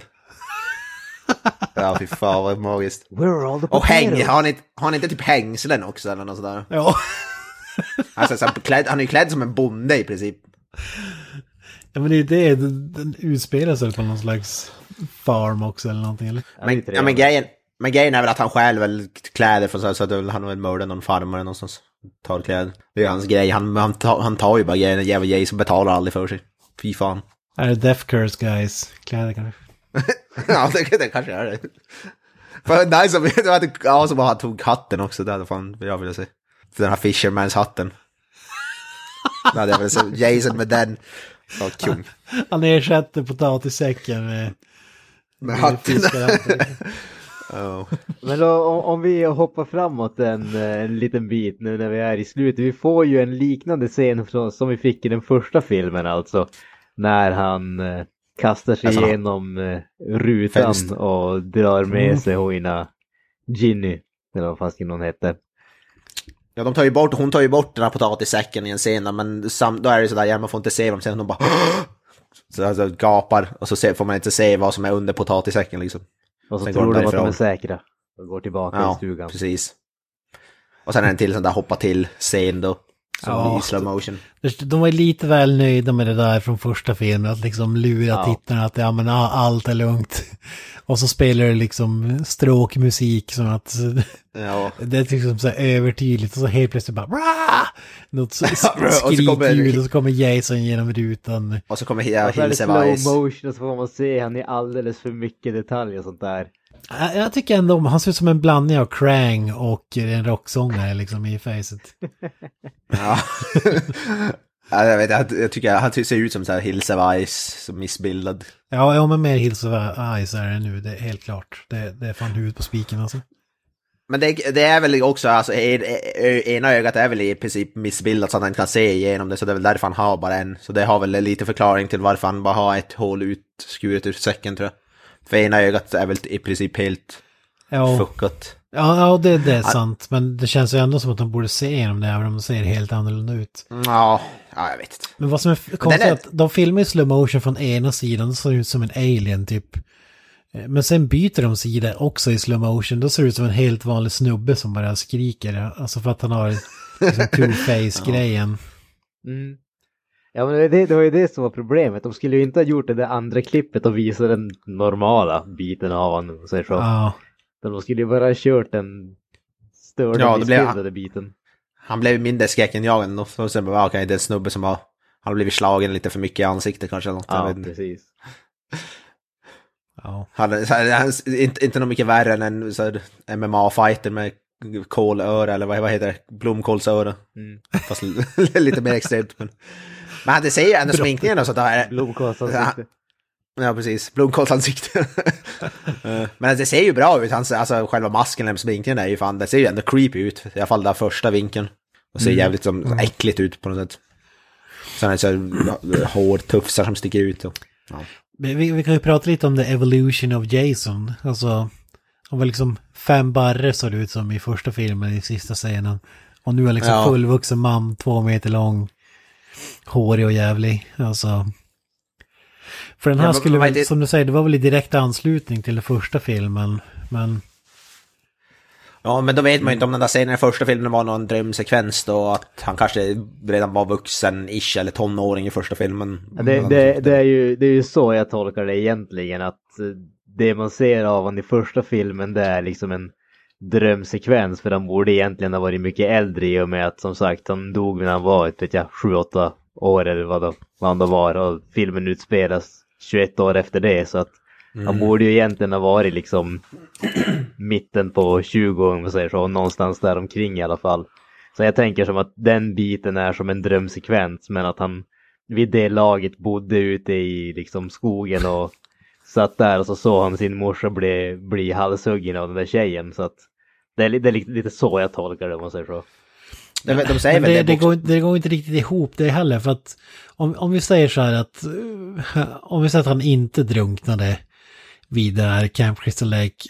Vart fan tog han vägen? Eller var det bara så att de antog bara, ja, men han, han är helt försvunnen, de hittar aldrig kroppen, han måste vara död. Eh, Alltså, eh, jag fattar inte. Och så skulle han ha gömt sig i skogen liksom i 20 år. Alltså, Det är det som är lite, det är det som är lite konstigt, man vet ju inte om han är död eller om han är en sån här zombie eller någonting. I de senare delarna blir han ju någon typ av zombie, men i de här första ser han väl typ hyfsat mänsklig ut. ja. Jag, jag har ju alltid tänkt att han dog där när han var liten och sen kom han tillbaka som någon typ av övernaturlig levande död i princip. Det är väl så jag alltid har tänkt med Jason. Om, om, man säger om vi säger att det inte är en drömsekvens i slutet av första, han liksom någon swamp thing monster liksom. Som ja, precis. har lärt sig andas under vatten eller någonting. Men om vi säger att det är en drömsekvens, då, då är det bara märkligt att, ja, alltså granted, mamma Warhees är sjuk i huvudet, hon kan ju bara inbilla sig att, att han har dött, men att han liksom aldrig skulle ha dykt upp eller någon har sett honom för att det här skogsområdet, det är inte så jävla stort, alltså. Ja, då, då borde man Det hitta är svårt att, eh, logiken där, jag tror inte vi liksom kommer någon vart där, det är nog, de förstår nog sig inte själva på det där helt enkelt. Det känns som att ana- analysen är lätt överflödig om man säger så. Ja, Ja, han- är väl bara så stor som det passar i filmen. Eh, Nästa film så att säga. För att han blir ju större och större ju längre eh, franchise går så att säga. ja, det är som att han går på gym mellan varje film liksom. Biffigare I den här tvåan så är han typ ganska vanlig kroppsbyggnad. Tredje filmen lite större och sen blir han ju bara större och större och större liksom. Ja, fan vad kul Jävlar. att ska se honom på gymmet alltså. Se vad. Ja, ja, jag, var- ja, jag tränade inför min, min match med Freddy Krueger. Det är mycket stretching tror jag. Mycket, han fuskar mycket tror jag. Det är bara stretching eller... Ja, ja precis. Han måste ha fått många, undrar om han får många så här krampanfall när han jagar dem där. Satan, helvete! Ah, mm, ah, vänta! Men, men vi måste ju ta upp det här eh, när de hittar kojan i skogen i slutet där. När man får se det altaret med Mamma Warhees huvud. Ja, och så just är det massa ja. ljus och grejer och lik runt omkring. Och hon tar på sig morsans gamla kofta där och fixar till håret så att hon ska se ut som hans morsa då för att förvirra han liksom. Ja. Hur fan kommer man ju tänka på det liksom? Ja, ja jag vet inte riktigt. Alltså, ja, hon är så jävligt snabbtänkt. Det är ju ändå, ja, det är ju lite som är intressant att man då fattar det får man ju för, lite så här in i hans psyke, så här, hur han tänker. För han tror ju som att hans morsa lever i princip och att det är hon som ger han, som säger åt honom vad han ska göra. Han fattar, han, han vet att hon är död men samtidigt så förstår han typ inte att hon är död på något sätt. Eh, Han har så här sp- spöken kan man ju säga. Hjärnspöken. För att det där bygger på att hon ska känna till hans backstory och så vidare. Men Ja, är det bara från Campfire eh, historiemannen som liksom Ja, drar de säkert, slutsatsen att de kan... För... han tror att eh, hans morsa lever eller typ ser... Ja, jag vet inte. Han För det här, det här är också ett återkommande grej i franchiset längre fram så att säga. Ja. Hon fattar väl bara att hon ser väl bara huvudet kanske. Han har en väldigt nära relation till sin mamma, kanske lite för nära. Eh, Ett skelett. Det här är hans morsa. Ja. Det, det, det känns än en gång som att eh, analysen är överflödig. ja. Men den scenen gillar jag ändå där när hon, heter det som, den, den är ändå en bra scen på det, jag gillar den ändå. Alltså jag håller med. Det, det ska jag faktiskt säga. Eh, jag, jag tycker faktiskt av de här tre filmerna som, som vi har sett, jag tycker faktiskt att det här är den, bättre, den bästa av dem. Med det inte sagt att jag tycker att den är fantastisk överhuvudtaget, men jag tycker det känns ändå som att den här filmen lyckas de göra någonting mer. Det finns lite mer av en mysteriekänsla därför att karaktärerna i filmen inser att shit's going on här. Det, det finns lite mer som händer runt omkring och sådär och jag tycker faktiskt att den här filmen överlag har också betydligt bättre skådespelprestationer än vad den första filmen hade. Så att eh, Mm. jag tycker faktiskt att av de här tre första filmerna är det här det, det starkaste faktiskt. Ja. Ja, skådespelarmässigt håller jag med i alla fall. D- där är det ju en klar förbättring. Även om det inte är top notch så är det ändå... Trots att Kevin Bacon inte är med. Ja, precis. Ja, vi, har, vi har inget household name i den här filmen. Nej, det här var väl liksom de ungdomar som fanns tillgängliga Ja, precis. då liksom.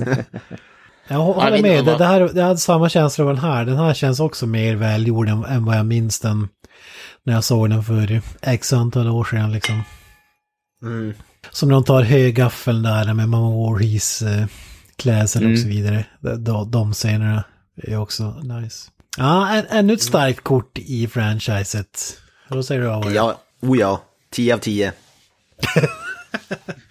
Ja, vi kan ju säga det i, i slutet av, eh, vi kommer ju rangordna dem, nu har ju bara F, Chapter 3 kvar, men vi kommer rangordna vilka vi tycker bäst om. Eh, All, alla har ju 10 av 10 så det är svårt att säga Ja, precis. så Det är, liksom. svårt. det är som att välja ett ett favoritbarn i princip. Men ska vi ta på oss våra disco-outfits och bege oss in i del 3? Ja, ja vi måste göra det. Weekends are a good time to escape to the woods.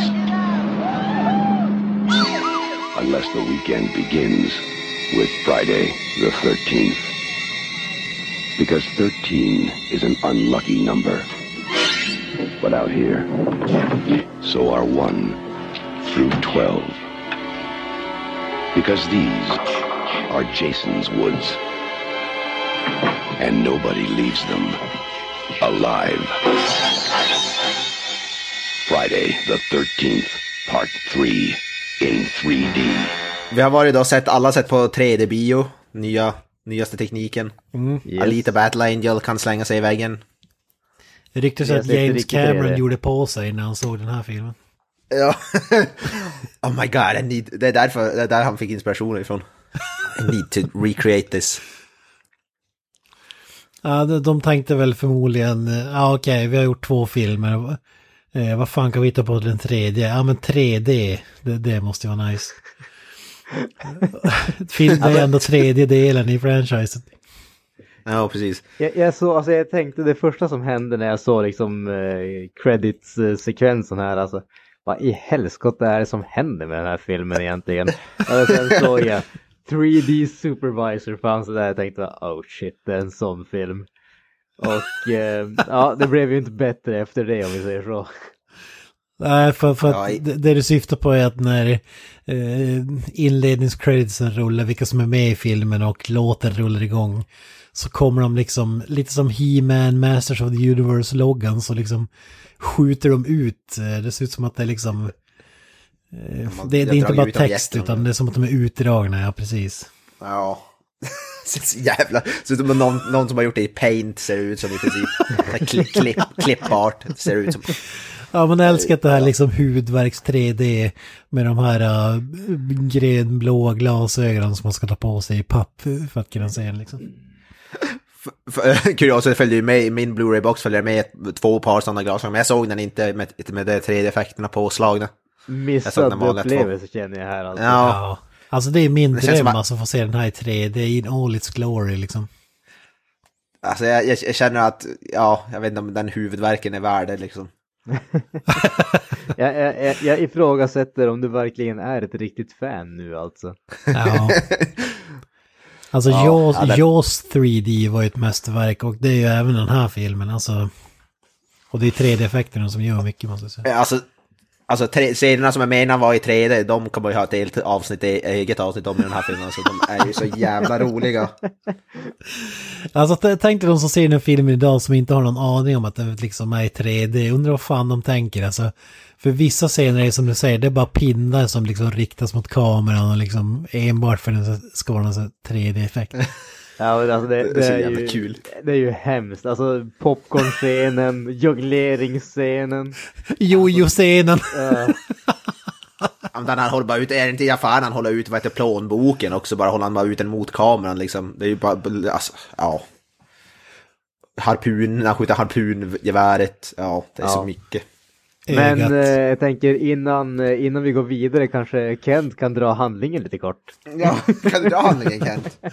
Ja men här är ju, vi, vi, vi, vi, vi drar, ju- det är lite mer funky i, i den här. Alltså jag må, innan vi drar handlingen, jag måste säga att introlåten alltså är så jävla magisk. Ja, det, det, måste, det måste vara den bästa, alltså Halloween themesång i all ära, men Friday the 13th part 3 themesången alltså. Det är fan min favorit uh, themesång måste jag säga från och med nu.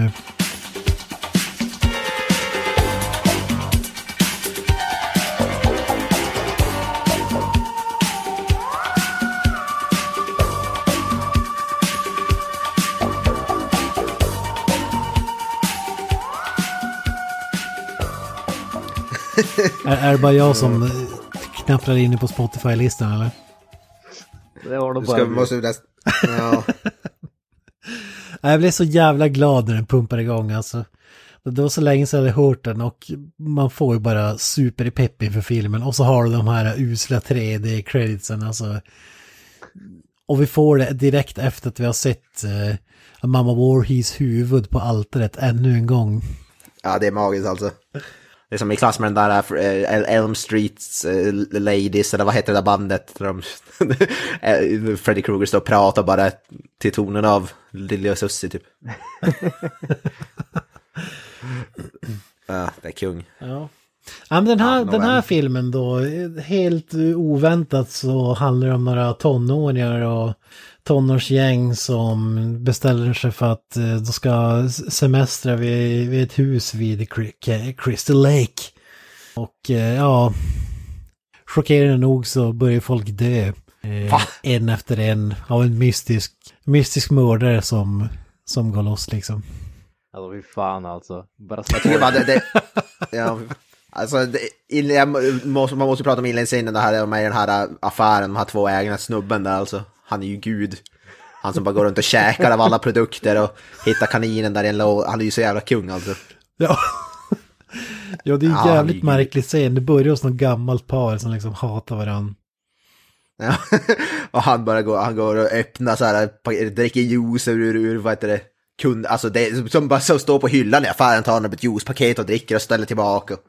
Det hittar en, kanin, hittar han en kanin där mitt i allt och Jag fattar aldrig, de, skö, de skötte om någon liten sån här matvarubutik Ja, eller någonting. Eller vad. lanthandel, typ lanthandel eller någonting. Ja, precis. Och så går jag bara och käkar av allting som är... Ja, jag tyckte det var gulligt, jag tycker han är min, han är min nya favorit den där snubben alltså. Och det har ingenting att göra med någonting annat i hela filmen. Nej. Och sen tar han världens största skit någonsin och torkar sig inte, det tyckte jag var magiskt också. Ja, jag, jag tänkte det också, alltså, just eh, jag måste säga, ljudet som man har får mig att känna att det ska finnas kvar. Ja, jag menar det. Det är världens räddskit. har inte kommit Världens räddskit. Han, ut. nej, precis. han ställer sig upp och drar upp byxorna bara för att han hör något ljud. Fy fan, ja. Hygien alltså.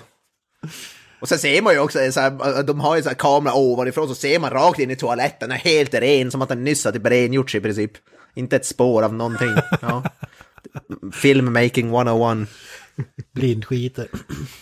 Så kung. Ja. Ja, riktigt bra. Och då, de här finns ju förmodligen bara till för att de vill visa upp den här scenen när de ska hålla på med tvätten mitt i natten. Så äh, Ja, så- använder en ja. gigantisk pinne och, och gör någonting. Och den här pinnen ska givetvis riktas, skjutas in mot kameran så att vi får den här 3D-effekten för oss som har de här hudvärksglasögonen. Ja, ja. Jason, men grejen är att han stjäl väl några kläder från dem, det är väl det. Man vill, se, man vill få se hur Jason får sin outfit i princip. Han tar väl ner några kläder från de där äh, tvätten typ. Ja, det är det man älskar. Den här snubben som sitter på dass och så vidare är ju inte gigantisk direkt. Det känns ju inte Nej. som att han och Jason borde ha samma storlek på kläderna, jag vet inte. Och ändå passar de perfekt. Ja. Det, roligt, det hade varit roligt om det inte var som man såg att det var verkligen för små kläderna på Jason, det hade varit roligt. Så här byxor som inte nådde hela vägen och så vidare. Kan jag lägga till att den här gubben ser ut som liksom om Super Mario hade varit alkis ungefär. Ja, Han är ju alg, han sitter och skiter så här, så här gömd Jack Daniels flaska där i någon låda bredvid toalettstolen. Som han stäng, så sitter han och dricker medan han skiter också, det är en bra blandning. Eftersom att man dödade Ralph i del två så, så måste man ha någon liknande karaktär. Då får vi en ny local drunk. Han är ju fan också gud alltså. Alltså ligger och sover mitt på vägen när de kör bil. Ja. Ja, han, han är, ju- jag tycker han är gud han också, han är ju kung. Han vaknar upp och håller upp liksom ett öga mot kameran.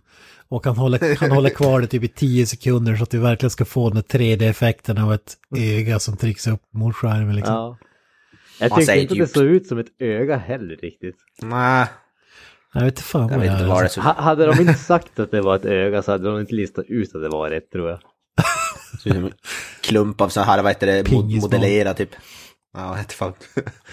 Men han säger typ exakt samma saker som Ralph där, att- om om profetior och skit. Ja. You're all doomed och så vidare. Ja. Inte samma karisma men jag håller med. Det är ändå en frisk fläkt i filmen. Liksom. ja, kung. Och sen... Det är svårt att fylla Ralphs skor så att säga. Ja, ja, precis. Sen äh, käkar de Mariana också, de tror att de ska, de blir jagade av polisen, så bara hide evidence! Och så käkar de upp alla jävla, all gas de har. Det tycker jag är en kul scen alltså. Trycker i sig den. Ja, då har en jävla hippie-gäng liksom i en... Ja, jag har två stycken hippies där som ja, de man. gör att röka på. Ja. Men det viktigaste av allt, vi får ju en scen där en kille håller, eh, håller på med ett jojo i typ... Det känns som att det är 10 minuter, men det kanske är 30 sekunder. det är liksom kameran ligger på golvet och han eh, kör det här jojot mot kameran. Upp och ner, upp och ner, upp och ner. Ja, För att det ska vara så häftigt med 3D-effekten när jojon kommer ut ur tvn. ja, wow! Men vi får ju inte glömma vi, eh, vad heter det, den här filmens komedi, komiska, Shelley med afrokrullet. Ja, blir introducerad också. Han är ju kung. Ja. Han har ju, om inget annat så har han ju faktiskt haft en eh, kvarstående effekt på den här filmserien. Ja, han är den Ja. Mest, bland de mest betydelsefulla karaktärerna i franchiset får man ju säga. Mm. Oh ja. Han ser ut som en typ ung Seth Rogen eller någonting. Jag vet inte. Ja, men han ser ut som han är Superbad. eh, Från filmen Ja, nej, jo. Jonah Hill. Jonah han ser ut som ja. Jonah, Han ser ut som Jonah Hill, ja det stämmer, med Jonah Hill. Så jag tror Alltså, jag- det, jag var tvungen att googla för jag tänkte det här är ju Jonah Hills farsa alltså för att de var så jävla lika. ja, ja, men det stämmer, det ser fan ut som Jonah Hill. Ja, sj- sjukt likt alltså. Samma frilla och så vidare, samma kroppsbyggnad så att säga. Och han är någon sån här prankster som gör så här, ska klä ut sig och... Skulle säga Skrämma alla socialt andra. handikappad men. Ja. Ja, men han, han är ju ledsen för att han, han ser ut som han gör, han är överviktig och så vidare. Tycker att han är en loser och får inga brudar. Så hans idé var att få brudar då, det är att liksom stoppa en Skrämma plastyxa folk. i huvudet och spruta blod och låtsas bli vara mördad liksom. och skrämma folk. Fan, han, han, han har skäl i mina idéer alltså. det där, det, jag, jag, kan, jag kan relatera till när jag var i hans ålder. Han har läst den här boken, The Game eller vad den heter, som ska... hur man blir raggad, liksom. Ja. klä ut dig till en seriemördare så kommer, kommer brudarna på fall. Nej, inte bara seriemördare, klä ut dig till ett lik. Alltså, Ja, ja, precis. Ja, han är fan kung. Jag älskar Shelley. Ja, Han kan ju dessutom jonglera får vi veta i cirka tio minuter när han står och Ja, jonglerar och kastar upp de här grejerna mot kameran. De har ju en jonglerings-off, uh, vad säger tävling och han och en annan snubbe som jonglerar. Magiskt. Ja, fy fan. Jag, läste också att den här snubben blev ju castad. Det, det var bara typ regissören såg honom på stan och tänkte fan du ser ut som eh, som jag vill att den här karaktären ska se ut. Han var ingen skådespelare som gjorde audition eller någonting utan de hittade honom bara på gatan och så säger ja vad fan då kan jag vara med. Förvånansvärt bra ändå, då måste man ju säga. Hans Ja, insats, det så var, att det var säga. ett lyckokast. Det, det här är ju den skådespelaren som har liksom känns som att han älskar det mest den här rollen. Han är med på massa commentary tracks och eh, var med i massa så här dokumentärer och hyllningsvideos till det här och vi, visar runt och det känns bara som en jävligt schysst kille. Alltså, ty- typ som han framstår i filmen, ganska så här eh, sympatisk och, och lite rolig. Ja, han kanske inte var, kanske inte är världens bästa jag vet inte komiker om jag i med filmen. om Men... någon av de bitarna men. eh, Ja, jag tycker han är kung. Ja men så här, man tycker synd om honom nästan. Alltså den... På den, Ja, på sympatisk på det sättet. jag vet inte. Men hur som helst, han, hans raggningsscen alltså. När han försöker ra ragga på en av eh, tjejerna. och, så, och så säger man nej, vi, vi pratar när jag kommer tillbaka. Och hans svar är bara sure, we'll talk. Bitch.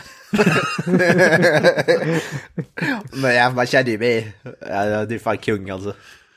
Hon får sitt. ständigt, eh, alltså det svänger på liksom en sekund från Love of his life till bitch. Det jag tycker det är magiskt. I was thinking that we could, you know... Och hon bara, nah, no, No. no we cannot. Sure, Och stanna och jonglera we'll talk, samtidigt. Bitch. Det är fan kung. Jag tycker, ja, ja. Ja. Jag håller med, han är en jävla bitch alltså. Sen får vi väl den här storyn där en tjej berättar om hur hon allegedly blev raped av Jason. För att jag tolkar det som det i alla fall, för att hon blev överfallen av honom. Men sen- vaknade upp i sin egen säng om jag minns rätt.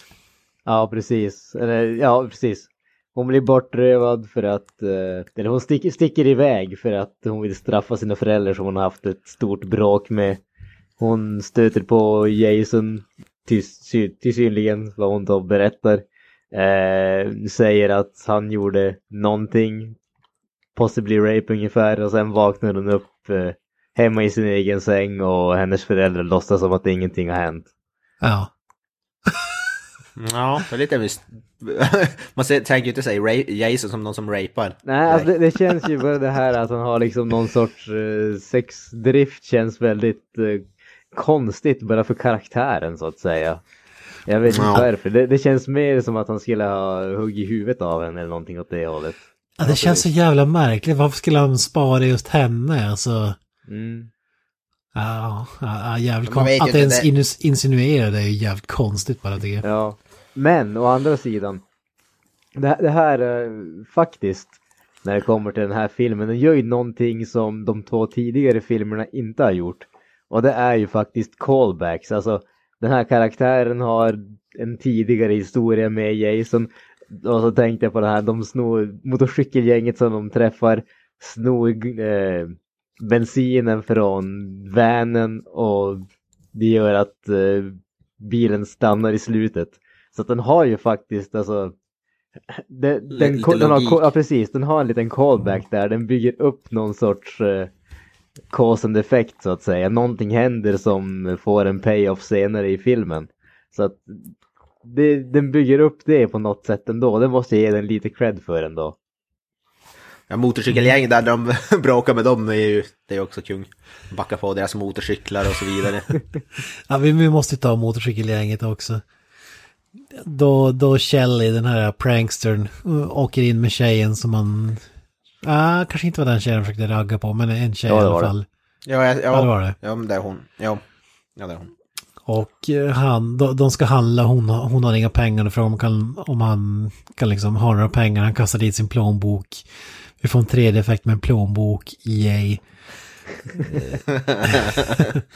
Men eftersom att de flashar den här plånboken så drar det till sig eh, shady people, eller vad säger du Mr. Boyan? Ja, då kommer den här motorcykelkvinnan eh, kvinnan då, så tar upp den så, så If you want something, you have to ask. Och så, så, så måste hon, hålla om då plånboken och så måste hon ju säga Can I please have the wallet, ma'am? Ja, ja det är... Jag älskar att det här motorcykelgänget ser ut som i, kommer ni ihåg i Polisskolan, den filmen när de ska gå undercover? Du vet, han, han skaffar ring i örat, eh, en Ja, liksom bandana och läderjacka och, och Det, det, är, är det inte där han träffar uh, den här snubben som skriker hela Där tiden. som skriker hela tiden. Ja, ja, ja. Så jävla klockrent alltså. För det, det här bikergänget, då tänker man och, och, och sen de håller på att jävlas med dem och sen när de, när de ska köra därifrån så lägger han i backen istället för att köra fram och råkar välta deras motorcyklar. Och då ska ju det här gänget liksom, eller deras hämnd blir att de bestämmer sig för att bränna ner en lada. Jävligt märkligt. Först de, kommer ju den här, äh, den här ena biken och tar ett vad kedja och slår sönder deras rutor. Ja. Ja, men det, det är faktiskt en ganska, kan jag tänka mig, en cool effekt. Alltså, när han slår genom rutan där, det var ju första så här 3D-effekten man tänkte att det kanske kunde vara hyfsat coolt i alla fall. Ja. Men, Ja. men eh, han slår sönder rutan, men de hinner köra därifrån och då bestämmer de sig för att skaffa bensin och tända på en lada. Men alltså, det, det jag tycker man går miste om här, du har det här, det är förvisso The Comic Relief Biker Gang, men det hade varit intressant, eh, det man tror ska hända är att bikergänget ska liksom rädda de andra från Jason, alltså att de ska liksom gå upp och, och fightas mot honom, men det, det blir aldrig riktigt så, och det var ju lite en besvikelse ändå, eller vad säger ni? Det var lite missa öppet mål tycker jag. Mm. Ja, han, ja de är inte, de är inte så framstående. Alltså det, Eller ja, han kom, ena, en av dem kommer tillbaka lite i slutet. Men ja, det går inte så bra för han heller. det, det som är lite synd är ju att de, har ju, de interagerar ju egentligen bara med de två personerna som de träffar i butiken. Sen så är de på samma ställe men de har som ingen eh, de, de har ingen impact på vad som händer med alla andra karaktärerna på samma ställe. Det är det som är lite synd. Ja, du, har ju för en jävligt cool scen när den här tjejen blir spettad med en högaffel. Och en eh, fantastisk 3D-effekt med högaffel. Ja, Ja, skaftet på högaffeln in, in camera liksom. Ja, det, det är svårt att förklara för den som inte har sett filmen vad, vad det är, men det är liksom bara långa saker som eh, sticks in mot kameran hela filmen liksom. Alltså det, det är exakt samma effekt som vi hade i början av våran senaste 3D-craze, alltså efter Avatar. Det, det, allting var saker som kom mot en från uh, bioduken från tvn och det är exakt det som vi har här fast eh, ja, fr från eh, 80-talet så att säga. Så att, eh, ja, de var lite tidigare med. Ska vi hoppa till det mest ikon, en av de mest ikoniska scenerna i hela filmen, involverar även Shelley. När han ska göra ett prank ute på en brygga, Granström, vad, vad är det han gör? Ja, alltså han har ju tagit på sig en uh, wetsuit eller någonting åt det hållet och uh, den uh, Våtdräkt. sedermera ikoniska hockeymasken, tjejen som han har uh, misslyckat flörtats med i resten av filmen eller tidigare i filmen. Vandrar ut på en brygga, sitter där vid vattnet, hon hör någonting och uh, sätter ner en hand som mot vattenytan och så kommer ju en hand upp och grabbar tag i henne och det är ju då Shelley med eh, som sagt dykardräkt och hockeymask och givetvis så blir ju tjejen sur och han flyr in i en lada och, och blir dödad. Han blir väl delad off-screen också eller? Ja, Ja, man får ju se, han kommer ju sen tillbaka stapplan in i huset då, men man får ju Precis. se dem inte se. Det är ju det jag saknar också, det är ju Shelley som har då den här ikoniska hockeymasken, man får liksom aldrig se Jason ta masken eller något sånt där. En sekund har han den inte och en sekund sen så har han den. fast jag, jag vill säga, ja fast han, han snor ju den från hans snubben, det är ju det som är grejen. Men Ja. den, här får vi också den enligt mig bästa dödsscenen i den här filmen. Och det är ju alltså han har eh, crossbowen eller harpun, eh, Harpungeväret. ja. harpungeväret. När eh, hon tjejen har gått ut mot eh, vattnet där och hör någonting och vänder sig om och så står Jason en bit bort och skjuter en harpun som träffar henne i ögat. Men det, Han är jävligt pricksäker. det, det jag älskar med den scenen är att Shelley, han är ju kort och rund. Eh, och så helt plötsligt kommer en snubbe ut med en hockeymask som är liksom två meter lång, pinsmal, gigantisk. och så typ, för de vänder sig om och typ Oh Shelley! Ungefär. Alltså typ, det är som Ja. att hon tror att det är han liksom som, som börjar pranka igen och så får hon en Och han, och han är helt flint, helt flintskallig Ja. också, inget, inte ett enda hårstrå. Och så får hon en harpun i ögat.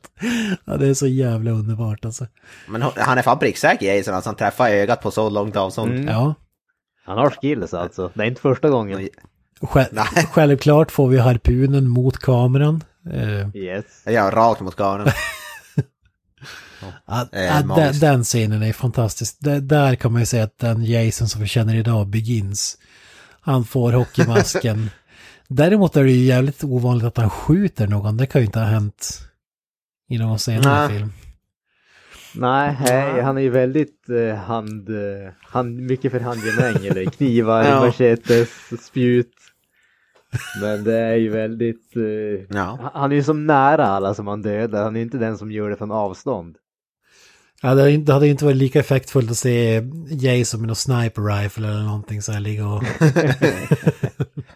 Det här är väl typ sis- enda filmen han springer i Jason också. Han springer ju en hel del i den här. Det är lite Ja, intressant. du hade ju tvåan också Annars- där han springer in i skogen. Det skulle jag fan kalla för spring. Ja, ja, alltså. det, ja. Det här är kanske sista filmen han springer i då. Möjligtvis. All, annars går han ju bara extremt långsamt. Ja, och sen en zombie killing machine liksom. Mm. Ja, harpungrejen, det är som du säger Granström, den är ju så sjukt ikonisk alltså. Riktigt häftig och det är ju, det, det, det finns en dödsscen till som jag tror utspelas efter det här som hade varit en kandidat om den inte hade klippt så jävla mycket. Där, eh, jag, eller in, in i ett hus är en kille och en tjej och en killen bestämmer sig av någon märklig anledning att stå på händer. Och Ja, just det, sen hugger han. Jason kommer och hugger honom i skrevet så att liksom benen särar på sig. Men, men det får vi inte se förrän senare. Utan vi får bara se när han hugger så klipper de snabbt. Eh, Ja, just det. Det hade ju kunnat vara sjukt ikoniskt, alltså man fick se dem verkligen kliva skrevet på honom. Liksom. Jag tycker den mest ikoniska killen i kanske den här filmen är ju huvudpressaren. Alltså, ja, just det. Det är så- det är så jävla kul. Alltså, det såg ju så jävla dåligt ut, det var ju det. Så ögat bara puff, ploppar ut. 3D-effekt på Det måste jag... Ja det, det måste jag vara, ja det måste jag vara tredje. Det är så jävla bra och så jävla... Den ser ju för jävligt men det är så jävla awesome också. Pressar ihop huvudet så jävla hårt att ögat bara... Ptush. Den scenen är så känd just för att ögat eh, drar på en slags fiskelina kommer mot kameran också. Alltså. Ja. det var väl kung. Jag är inte som Savin som har gjort den specialeffekten. Sjukt bra. Vi, vi, vi har ju även en sån här försök till kopia av Kevin Bacon-döden i den första filmen. När, när det är någon som får machete eller stor kniv Ja, det, genom ja. bröstet. Ja just det. Det är väl någon som läser typ så här Fangoria, jag läser en artikel om Godzilla. Jag vet inte riktigt vad det ska symbolisera. Men... Och även om man kollar noga så var det ju något sånt här Tom Savini, var det på en av artiklarna som hon bläddrar förbi. Tom Savini någonting Ja, det var det alltså. Ja, okej. Ja. Jag såg det innan hon bläddrade till den där om Godzilla. Så såg man att Tom, Tom Savini någonting, någonting. Det där måste jag säga en cool scen då. Det droppar blod på tidningen. Hon kollar upp i taket och då får man ju se den snubben som har skrev, fått, Blivit skriven. blivit kliven Ja, i tu, skrev style. Uppvriden som en jävla boll i taket liksom. Det, det måste man älska. Ja. Alltså det, det, det, det är ju det här också som... Alltså jag, höll på att säga att det bryter realismen men det var ju fel ord att använda. Men just det här att hon, hon liksom, han klyver han mitt utanför rummet där hon tar eh, duschen. Men inget blod eller någonting. Hon går ut och kollar liksom ser ingenting förrän det, hon sätter sig i sängen och börjar läsa och det droppar från taket. Ja, han, måste ha gjort ett han, han måste ha gjort ett bra städjobb där ute i hallen. Ja. Han hördes. En, moppen. Nej, men det såg mig på kojan där i skogen i, i del två hur bra han är på att städa liksom. Fanns ju inte dammkorn i... Ja, han är fan bra. alltså. Jävligt bra på, med skurmoppen alltså. Man tycker att med tanke på hur bra han var på att städa upp där borde han inte ha så jäkla svårt att hålla rent i sitt eh, lilla hus eller vad man ska kalla det. Ja, precis. Nej, precis. Ja. Men, vad har vi för mer kills? Finns det något mer att nämna? Det, det är ju samma dilemma här, att man klipper bort lite för snabbt för att det ska vara så episkt. Men då har ju de här hippisarna, har ju typ lamaste killsen, de får väl elstöt Ja. eller någonting. Kastar Ja. in dem i fuseboxen. Mm. Ja. Och en av bikersen där får på sin hand av, avhuggen med machete typ. Där i slutet. Det var ju också å andra sidan en små, eh, små häftig effekt faktiskt tyckte jag. Ja. Ja, då kanske det har något. Men sen vad heter det, faller han bara så ser man bara att han, Jason bara står och slår som i golvet och så ska symbolisera att han slår in i skallen. Men man hör ju som att han inte slår någonting mänskligt, han slår bara en skiftnyckel rakt in i golvplankorna i princip. Och det hör, man i princip. Han, han tar ju en sån här äh, spett från eldstaden också, vad fan kallas det? Jaha, ja. Gillspett typ eller vad man ska ja, inte Ja, det kallas någonting jag kommer inte ihåg. Men det är spetsiga som brukar vara i Mm. filmer. Och den, hade det tagit Tom Savini då hade ju den killen blivit magisk. När man bara kör den genom magen på, på tjejen. Men här, den är så jävla klumpigt gjord alltså så att den är ju inte långt ifrån ikoniska. Och dessutom är den uppvärmd liksom. Ja, ja, precis. Ja, det var inte... Det är inte Tom Savini-klass på den inte. Sen har vi det här Ultimate Showdown mellan Jason och hon. Det är i princip bara en lång ja- jag-scen. Alltså, Jason letar efter henne medan hon gömmer sig på diverse platser. ganska, ganska tråkigt tycker jag. Ja. Ja, det är inte, de är där i ladan. det är väldigt- Jag förstår inte varför hon väljer att hoppa ner på Jason också. Det tycker jag, tycker jag känns ganska dumt. Det var ju det sista jag hade gjort. Jag hade ju bara stuckit ut genom de där öppna dörrarna där på ovanplan. Men hon väljer att hoppa ner på Jason istället och börja typ brottas med honom. Jag inte fan hur hon tänkte där liksom. Alltså det, känns, det känns ju som att de insåg att det finns ingen möjlighet att göra det här till en jämn fight. Hur ska vi kunna få det här att bli någonting vettigt och sen misslyckas de med att göra någonting vettigt av det. Ja. Jason ser bara förbannad ut också. Han så går och sliter allting. Han ser jävligt irriterad ut. Bara, vad fan är jäv... kärringjäveln? Ser så sjukt irriterad ut. Helt förbannad. Ja, fy fan. Det är jävligt Och sen häng... jävligt märklig scen där. Ja, ja som du säger, han hänger som en... Alltså, när han tar av sig masken också. Ja, för att visa att det är, att det är den, den som hon blev rapad av, så att säga. Eller man ska säga. Ja, och så liksom höjer han på ögonbrynen och liksom räcker ut tungan eller vad fan han gör. Äh, Alltså. äh, äh, äh. Ja. Ja, alltså flina typ. You remember me? Huh? Men då, det, det är inte fattar om vi säger att han sparade hennes liv förra gången. Varför ska han döda henne nu? Det är det som är... Får inte riktigt ihop det där. Ja, som sagt, den här logiken i de här filmerna ska nog inte analyseras. Ja men Jason eh, hänger i en snara, eller han hamnar i en snara, visar sitt ansikte och så tar han sig ur den jävla snaran. Sen kommer den där bikern då som, när hon håller på att bli mördad, då kommer bikern som och räddar hon i princip. Ja, I sista så, och sen tar hon då en yxa och ja, rak, rakt i pam, pannbenet så att säga. Ser inte ut som att den där yxan går speciellt djupt in på Jason heller. Det ser ut som att den där som sitter med bara äggen bara i, i pannan lite grann. Men ändå som dör han av det. Dör inom citationstecken. och sen kommer inte låta bli att se ah, hur gummiaktig yxskaftet ser ut när han får det i huvudet. Alltså det är ma- magi. Mm. Och givetvis får vi ju skaftet då i, i bild. Ja, precis. 3D-effektsmässigt. Och sen har vi avslutningsvis en exakt likadan scen som i första filmen när hon vaknar upp på en båt. Eller hon går, sätter sig i en båt, vaknar upp i en båt. Allt, allt är Det- bra. Trevlig musik, Ja, polisen kommer. Ja. Men sen kommer mamma Voorhees som inte längre är halshuggen utan Nej. hon, hon har hittat sin gamla kofta och eh, hoppar, du, hoppar upp och drar ner henne. Ja. Huvudet sitter där det ska. Det är också ett bra face måste man säga. Eh, Mamma Mm, Voorhees. När hon kommer upp. Zombie Warhead. Ja, precis. L- Lite märkligt är det att när hon hoppar upp och de zoomar in så är det ett ansikte. Men när de klipper och hon drar ner i vattnet då är det ett helt annat som är mycket sämre gjort. Då ser det ut som en vanlig människa som bara är skit i ansiktet liksom. Ja, just det. Ja, kanske det. Ja. Väldigt märkligt. Jag, jag tänkte inte på det, men nu när du säger det. Ja.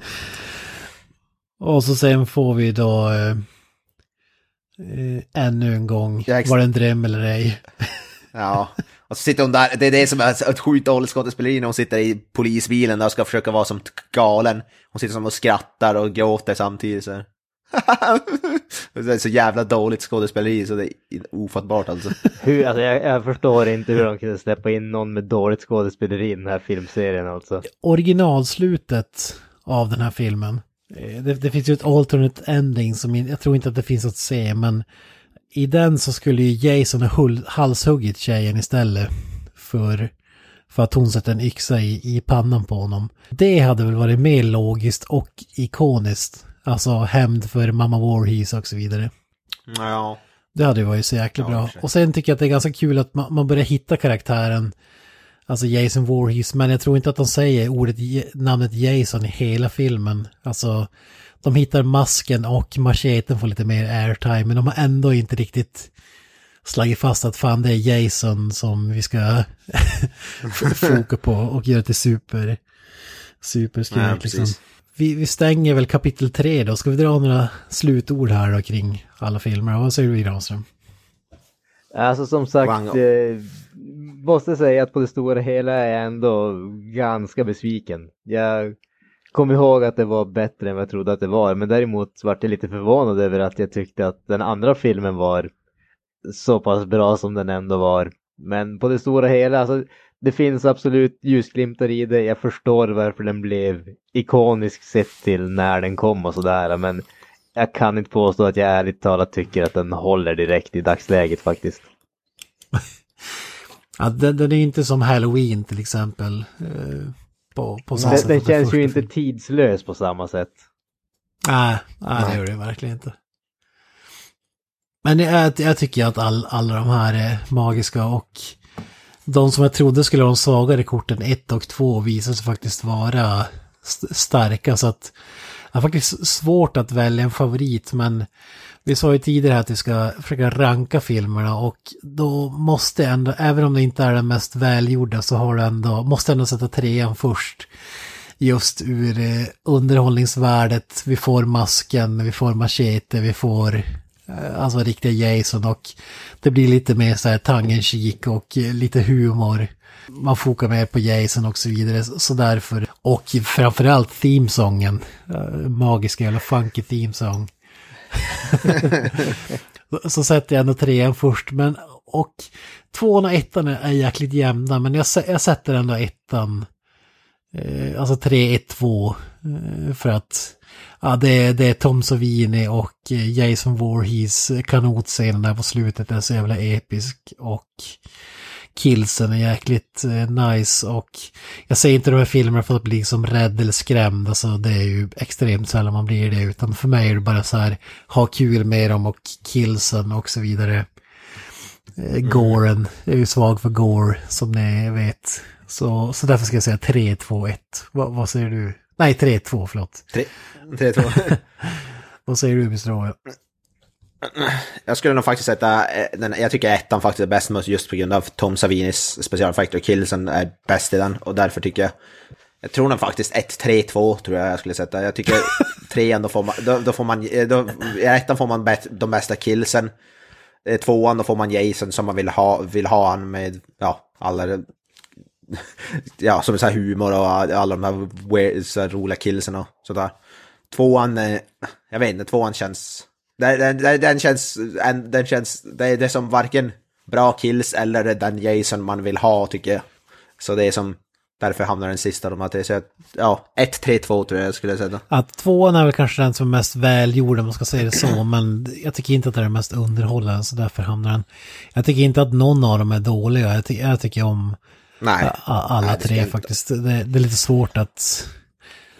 Alltså om, om man skulle dra så, så skulle jag nästan ha samma, alla på samma nivå faktiskt, alltså av olika anledningar. Ja.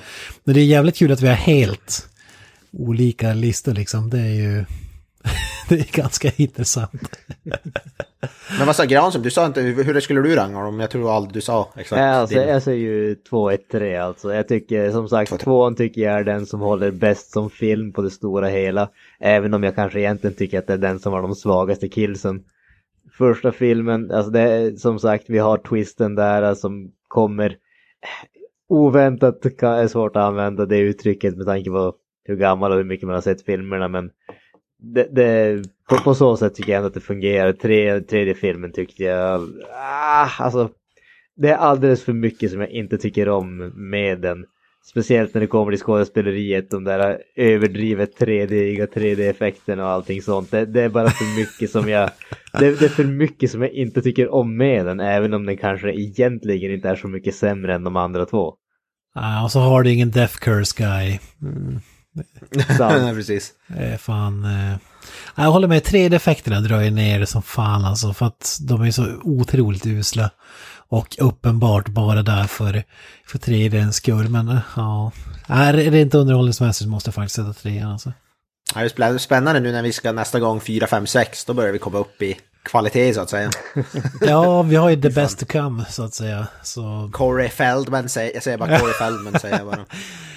Men vad säger ni, det känns väl inte, känns, känns den första filmen som någonting så här ikoniskt som ni ska säga att man måste se, alltså.